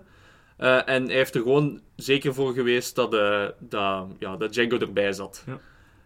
Hij wist dat hij ging winnen, want Django was de beste op dat moment. En dan heeft hij het volledige plan uitgelegd aan hè. Het was voor deze en we willen nu gebruiken voor dat. Natuurlijk, Django heeft gezegd van, is goed, maar op enige conditie, ik wil één ongealtereerde clone. En dat wordt dan zijn zoon eigenlijk. Ja. Dus als je de Legends dingen volgt, zijn ze allebei Mandalorians. Voor mij ook. En in Legends worden ze ook allebei op een bepaald punt Mandalore. Want op eh, dat stuk dat hij drie Jedi vermoordt, hij is bij de Mandalore op dat moment die sterft. Hij is de laatste die overblijft. Rond die periode ongeveer wordt hij zelf ook even Mandalore. Ja. Dan achteraf, Boba zelf groeit op. Hij wordt getraind door verschillende Mandalorians die daar zitten. Van eh, de... Ik ga deze zo hard butcher, die naam. Eh Guayveldar of zoiets. Ah, die Sorry, mannen. ja. Hoe dan ook, dat is... eh, Oh, Ja, is- dat zijn die van daar, eh, ja. ja. Maar dat is dus Mendoa voor Those Who No Longer Exist. Dus dat is een groep Die eigenlijk... bestaan niet, dus dat is allemaal in ja. je hoofd. Dus dat is een, een groep van eigenlijk 100 eh, highly trained mercenaries, assassins en zo, dat Django mee heeft gehaald bij de Kaminoans voor de Clone Army te trainen eigenlijk. Ja. 75 daarvan waren effectief Mandalorians, al- de rest waren eigenlijk wel nog altijd hooggetrainde individuen, maar geen Mandalorian. Ja. Nu, die mannen van die Vildar, eh, het interessante daaraan is dat die vooral de dingen hebben de, getraind, de Republic Commando's eigenlijk. Dus alle verschillende groeperingen van Republic Commando's effectief, die zijn door de Mandalorians zelf eh Wacht getraind. even, want wie zijn nu de Republic Commando's? Huh? Ik weet dat, jij Ja, weet dat, ja. maar... Dus de, de commando's zijn eigenlijk de, de special forces van de Clone Army, een beetje. Voilà. Die hebben ook veel betere, die hebben Katarn armor, dat, wat dat veel steviger is dan hetgeen dat de regular clones Dan krijgen. plastic, ja. Eh, maar dus die zijn getraind door Mandalorians zelf. En veel van die eh, groepen van vier commando's zijn dat iedere keer, want die worden per vier eigenlijk opgevoed. Allee, in Wat dat je ook ziet in de Clone Wars. Voilà, en in de games. Ehm, maar dus wat dat je daardoor hebt, is dat veel van die commando-groepen zichzelf zien als Mandalorian ook. Dus die worden zo opgevoed dat die zichzelf eigenlijk Mandalorian voelen. En in principe mogen die ook hun eigen Mandalorian noemen. Omdat die die training hebben gehad, ze hebben die waardes mee gehad. En daarmee worden die ook gehaald door de meeste reguliere clones eigenlijk. Omdat die zo ingaan tegen de, ja, wij volgen orders, al dat soort gedoe. Dat is eigenlijk daarmee dat Denken dat... voor hun eigen of wat? Ja, Maar ik denk dat het beter is dat we nu verder gaan met Boba en ja zelf. absoluut, absoluut. Dus eh, Boba eh, noemde origineel Alpha. Dus dat was een clone Alpha. En die is... Omega? En wel, die, is- die samen met clone Omega is dat, zijn dat de enige twee eigenlijk pure clones eigenlijk van, van, eh, van Django die er bestaan. Nu, ehm, ja, Boba is natuurlijk heel goed getraind geweest en die is eigenlijk na de dood van zijn vader heel pist op Mace Windu. maar ja, hoe zou jij zijn als uw eh, vader zijn kop wordt Die afge... hebben zo casual zijn hoofd. Als, heb je die scène gezien in episode 2? Ik heb daar voor het laatst terug naar gekeken voor, voor, voor, voor te bereiden op deze episode. Die doet gewoon zo... Zwip die een hoofd eraf en die staat daar zo in een ballerina dingetje en hup, en hij loopt weer verder. Ja, het is Mijn swing eigenlijk wel andere een. Ja. rotzak, hè? Ja, hij wou eigenlijk wegvliegen, Django, maar door de, Ja. door de botsing met, met dat beest in die arena was zijn jetpack kapot. Want je ziet wel zijn jetpack activeren, maar anders had hij het overleefd En dan misschien. komt ballerina meezertjes. Je hebt gedaan. Nee, maar dus eh, hij is daar heel pist op. En je ziet ook eh, in de... um, alleen de Clone Wars en zo, ziet je hem ook eh, eigenlijk het begin een beetje vormen van, van zijn En eigen... die Clone Wars zijn irritant, vunzig mannelijk. Absoluut, absoluut. Maar echt verschrikkelijk. Maar je ziet dat hij eigenlijk een beetje wordt opgevangen door eh, Bosk, wat ook een van de meer bekendere ja, bounty hunters is in de Galaxy. eh, die ook veel samen heeft gewerkt met Django. Ja. En daarmee eigenlijk een beetje de, de dingen verder op hem pakt van hem te trainen. Samen met Cat Bane, die heeft ook heel veel training gegeven aan Boba. Ehm, nu, vanaf dat hij 13 wordt, dat is een heugelijke dag voor hem, want in Mandalorian culture, vanaf dat je 13 bent, zijn je volwassen. Dat is snel. Ja, wel, ik ben blij dat dat hier niet zo is. Hè? Ja, inderdaad. Nee, maar dus... ehm, hij, ehm, hij start om een duur zijn eigen ehm, eigenlijk bounty hunting agency een beetje, omdat hij niet bij de Bounty Hunters Guild wilt. Hij wil daar los van staan, hij wil zijn eigen ding doen. En met die groep die vroeger met Django werkte, doet hij ook gewoon verder eigenlijk. Ja. Eh, op termijn vindt, allee, zorgt hij ook dat hij terug de, de Slave One heeft. Wat dat trouwens een eh, fire spray is. Daar is, is er nog maar één van. Dat is eh, zijn iconisch schip. Dat heeft hij eigenlijk gepiekt van een soort detentiecentrum. En die hadden er drie. En dat waren de enige drie in heel de galaxy. Hmm. En toen dat Django die is gaan pieken, heeft hij die andere twee kapot gemaakt. Dus eigenlijk was, is, is het schip van zijn vader al hij dan teruggebruikt. Ja, inderdaad. En ook het enige dat hij meepakt nadat zijn vader onthoofd is, bijvoorbeeld, is enkel zijn helmet. Dus, Niet de hele armor. Nee, dus hij begraaft zijn vader. Hij zoekt eerst tussen allerlei droid-onderdelen en zo, want die is daar gewoon tussen gesmeten. En dan heeft hij eigenlijk enkel de helm meegepakt om eigenlijk ehm, de chamber waar dat ze op dat moment verbleven op eh, Geonosis eigenlijk te kunnen betreden eigenlijk. Omdat da daar de, ja, de idee een beetje in zit, hè, wat dat wij hopen dat de meeste hoofd eruit heeft gehaald. Nee, En Dat is eruit gevallen, hè, dus... Nee, nee, dat zit er nog altijd in. Wat? Je weet maar nooit. Nee, en maar- dan is hem eigenlijk, ja. Ja. om het even te verkorten, is hem dan eigenlijk, hè, de Clone Wars is gebeurd, hij is dan Ja. volwassen geworden, hij heeft dan die een helm, hij is dan, en dan is hem, En hoe is hem dan aan zijn armor geraakt? Ah, wel, dus zijn armor heeft hij eigenlijk om een duur ehm, beetje bij beetje bijeen ge, ge, En dat is ook gemaakt van Beskar. Hetgeen dat hij heeft in Legends sowieso is Beskar. In Canon is het niet 100% zeker. Het lijkt er Of wel dat- op, hè. Het lijkt erop en het gaat waarschijnlijk ook zo zijn, want we ook met de laatste aflevering we zien dat meerdere blaster hits krijgen. Dus in Canon momenteel gaat het inderdaad volledig Beskar zijn, effectief. Nu, hij start dan hè, eh, de Great Claw Bounty Hunter Guild. Ah ja, guild. Het is eerder een eh, soort van syndicate, maar oké. Eh, en daar, daar brengt hij eigenlijk een groot deel van zijn tijd door. En daar, ja, daar eh, wordt zijn reputatie als een van de beste bounty hunters ook gewoon terug versterkt en opgebouwd. En, en ja, zo gaat hij eigenlijk een beetje verder. En zo gaat hij, doet hij bounties, hij doet zijn ding tot en met de periode dat, dat we hem zien eigenlijk in de films. Ja, en dan gaat hem voor Vader eh, Ja. werken. Wat dat heel tof is ook, bijvoorbeeld nadat Ben Kenobi dood is, zien we dat... Obi-Wan! Ja. zien we eigenlijk dat, dat Luke op een bepaald moment terug naar dingen gaat, naar, naar het huis ervan. Ja, en dat is hij. Ja, dat is hij. En, Ja, inderdaad, ik wist dat. Ik wist en. Darth Vader heeft in die periode ook Boba ingehuurd om naar eigenlijk Luke te gaan, Ja. te gaan achterhalen. Wie is het? Dit, dat, ginst. Hij, hij mocht een hele kantine uit voor info. Dan komt hij effectief bij Luke en hij weet effectief Luke een paar keer te, te kunnen steken met een vibroblade eigenlijk. Dus daaraan zie je ook zijn skill dat hij heeft. Want hij heeft, ja, heeft die Jedi fighting skills heeft hij ook meegekregen van die Mandalorians die hem getraind hebben natuurlijk. Ja. Mag ik iets zeggen? Er is ook een theorie, dat is nog niet echt bevestigd, maar dat eigenlijk ook Boba Fett is dat ehm eh, Uncle Dingskes Owen en, en Peru heeft vermoord. Omdat eh met vlammenwerpers is Mhm. gebeurd, duidelijk. En dat alles is afgebrand en dat eigenlijk de stormtroopers die op Tatooine zitten dat totaal niet hadden. Mhm, ja, dat heb ik ook al eh, een keer gezien. Leuk detail. Dus Ja, ik weet niet of het canon is, maar het is wel leuk. En het makes more sense dan dat het stormtroopers zouden geweest zijn die die wapens eigenlijk niet echt hebben. Ja, Door op inderdaad. Tatooine al Ja, nee, inderdaad. Maar dus, eh, we zien hem dus vechten tegen Luke. En in principe winnen op dat moment, maar wat dat logisch is. daarna is het wel een ander verhaal. Ja, inderdaad. Maar dus, ehm, later zien we hem dus eh, in die Star Destroyer. We zien hem om een duur wordt hij ingehuurd voor eh Han Solo eigenlijk te vangen. eh, en naar Jabba zijn paleis te brengen. Nu, wat heel tof is, wat je niet in de film ziet, maar wel in de, ja, in de lore eigenlijk terugziet. Op onderweg naar Jabba zijn paleis eh, gebeurt iets en stort hij neer met zijn ship, waardoor dat hij Han Solo even kwijtraakt, die in Carbonite zit op dat moment. En Ja. er zijn eigenlijk meerdere bounty hunters die op dat moment in gang schieten en zeggen van, aha, Dat is dus eigenlijk... money. Als dat in een serie was gemaakt, dan was dat een filler arc geweest. Ja, maar- een beetje opvulsel eigenlijk. Maar dus, eh, een heel oorlog, mini-oorlog breekt een beetje uit tussen verschillende bounty hunters. Hij wint, Toch, ja. hij heeft Han Solo terug, hij brengt die naar Jabba. Dat is in orde. Nu, gebeurt Return of the Jedi en valt hij Ja. in de Sarlacc pit eigenlijk. Hè. ja, en dat is eigenlijk zijn dingen in, in de films eigenlijk een beetje waar dat stopt. En dan daarna denk Nu- ik dat we het beste hier laten, want daarna Wel, gaat het eigenlijk verder in. Ah, wel, maar, ja, maar er is wel één ding dat ik er nog bij wil zetten. Mhm. eh, in, in, eh, in, in de lore leeft hij nog heel lang door eigenlijk. En hij helpt zelfs eigenlijk met het vechten tegen de Yuzan Vong invasion.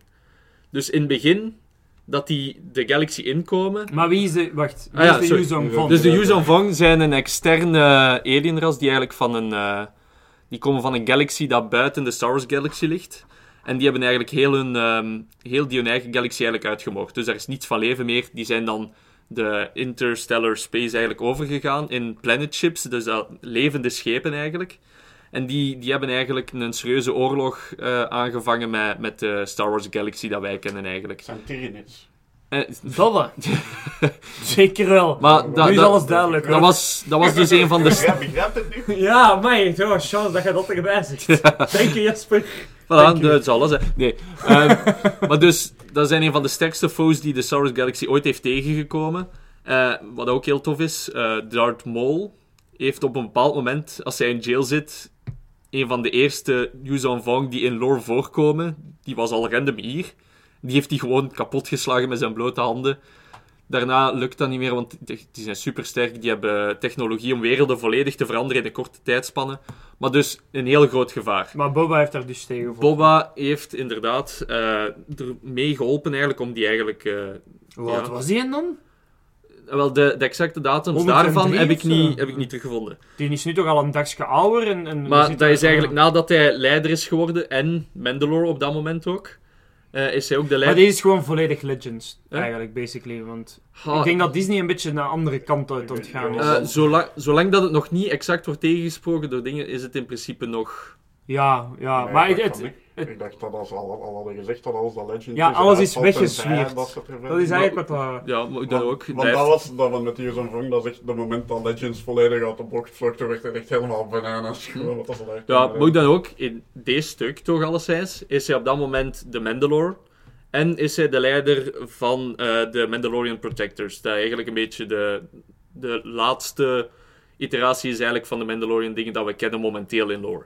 Ja. Eh, wat ook heel tof is, hij helpt eigenlijk met het opleiden van, ehm, van Solo zijn dochter. Maar nu zijn we wel heel diep in eh, Ja, maar- dingen aan het gaan, hoor. Maar Eh, dat, is, dat is gewoon iets waar daar niet veel over bestaat, dus dat is iets heel kort dat Want ik Han Solo bij- heeft geen dochter, hè.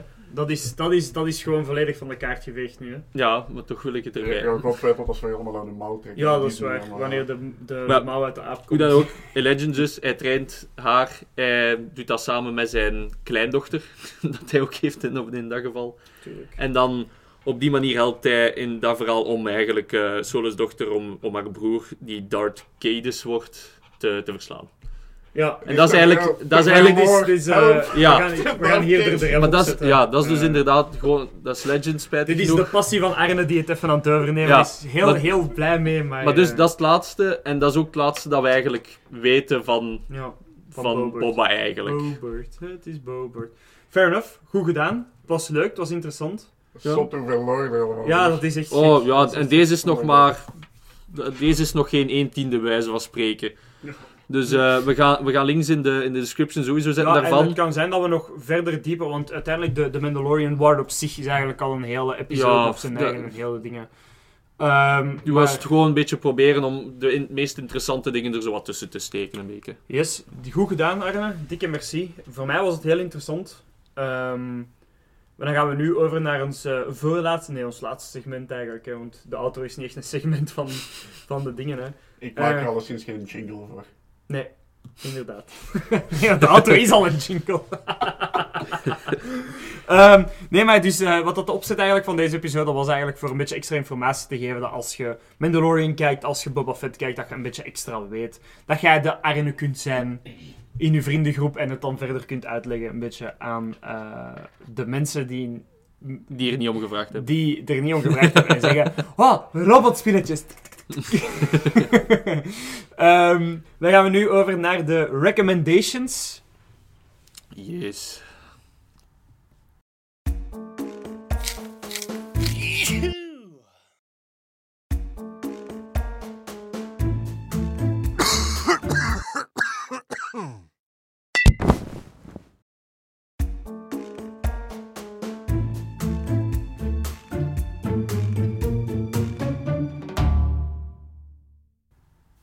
Wat zijn jullie recommendations van deze week, mannen? Wel, eh, voor in lijn te blijven ga ik drie dingen recommenden deze keer. En dat Drie? zijn- ja, Oeh. en dat zijn eh, drie channels eigenlijk die ik het liefst heb, die over eh, allerlei Star Wars lore gaan. Ja. Zowel Legends als, als kennen eigenlijk.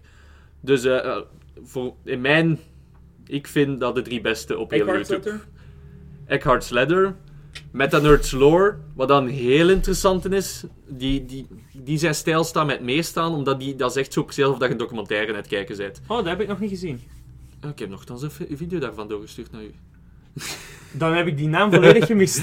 Nee, maar dus, dus die heeft eh, een volledige video gemaakt over Ja. de Mandalorian ah, dat was culture, dat, ja, ja, ja. waar dat je alles echt tot in de detail gaat kunnen volgen. Eh, dat, veel beter dan dat ik ooit ga kunnen, maar dus die persoon en dan ook nog eh, Stupendous Wave Ja, en Star Wars Theory. dat is Dat is- vier, hè. Ja, vier. Ja, sorry, kijk. 1, eh, 2, 4. Oei.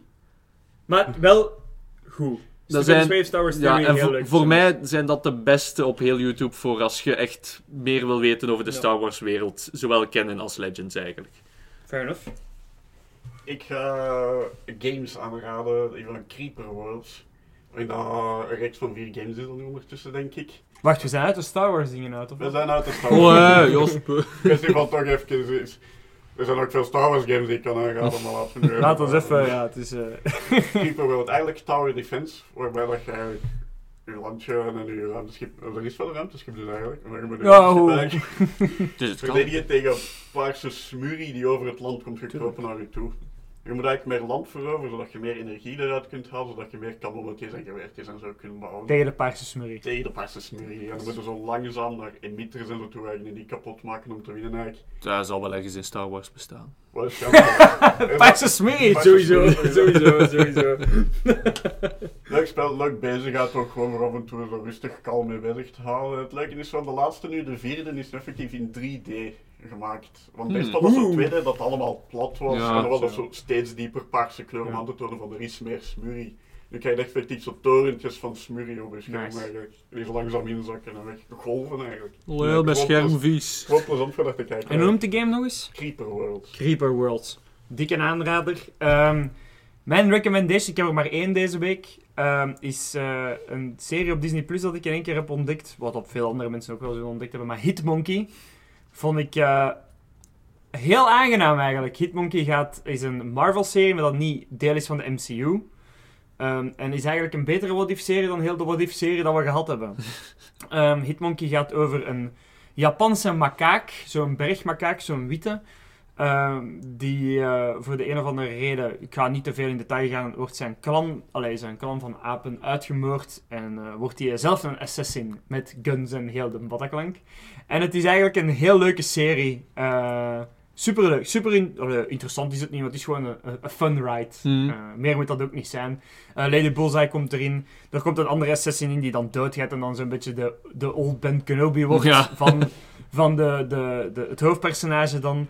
Eh, Silver Samurai komt er ook in. En eh, een, een Japan, Jap- Japanese Ghost, whatever. Ik weet haar naam niet meer, maar die dat zo Tokyo Protect en heel dingen. Dat zijn Marvel eh, personages die er dan inkomen. En het is gewoon heel leuk. Het gaat eigenlijk over... Ze moorden in en uit. En ze denken dat dat de grote bad guy is, maar dan toch blijkbaar niet. Dus dan gaan ze maar naar de Ja. volgende. En dat is dan ook niet de grote bad guy. En dan gaan ze maar naar de volgende. Het is een heel simpel verhaal, maar het is gewoon leuk. Het is gewoon heel bloederig, heel leuk. Het is, het is een keer iets anders van Marvel. Ja, het is, inderdaad. Ehm, dus daarmee dat ik dat graag wou recommenden. Het staat ook gewoon op Disney+. Plus. Je kunt het ook gewoon Ja. perfect kijken. Ja, kan ik ook zeker aanraden. Toffe serie. Ehm, dan ga ik nu de episode eindigen.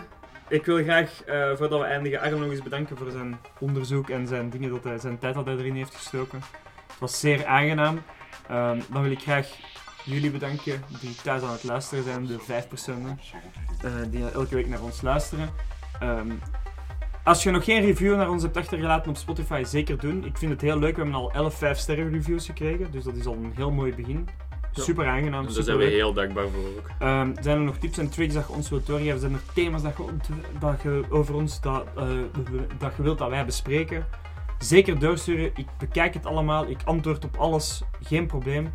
Ehm, ja, dan wil ik ook graag de persoon bedanken die onze outro heeft gemaakt en onze intro. Zoals elke keer zal de link van zijn Soundcloud in de descriptie staan. Ehm, en dan, zou ik, dan wil ik graag nog gewoon nog één ding vragen. Vertel het, vertel het door. Als je onze podcast leuk vindt, vertel het door. Het is aan jullie om, om ons te verspreiden. Het is niet aan jullie, maar het zal ons gewoon heel hard helpen. En dan eh, zou ik zeggen, dank je voor het luisteren en take it away Jasper. En denk eraan, beste luisteraars. Honden, konijnen, pakkezels, maakt niet uit, smet ze weg. Rencor, dat heb je nodig. Nu verkrijgbaar voor 59.099 credits. Maar is dan met een bijl of niet? Eh, zonder genoeg. Oh. Nu verkrijgbaar, kan alles doen. Kan uw wakels zijn, kan uw pakkezel zijn, kan gewoon uw huisdier zijn. Lief en schattig.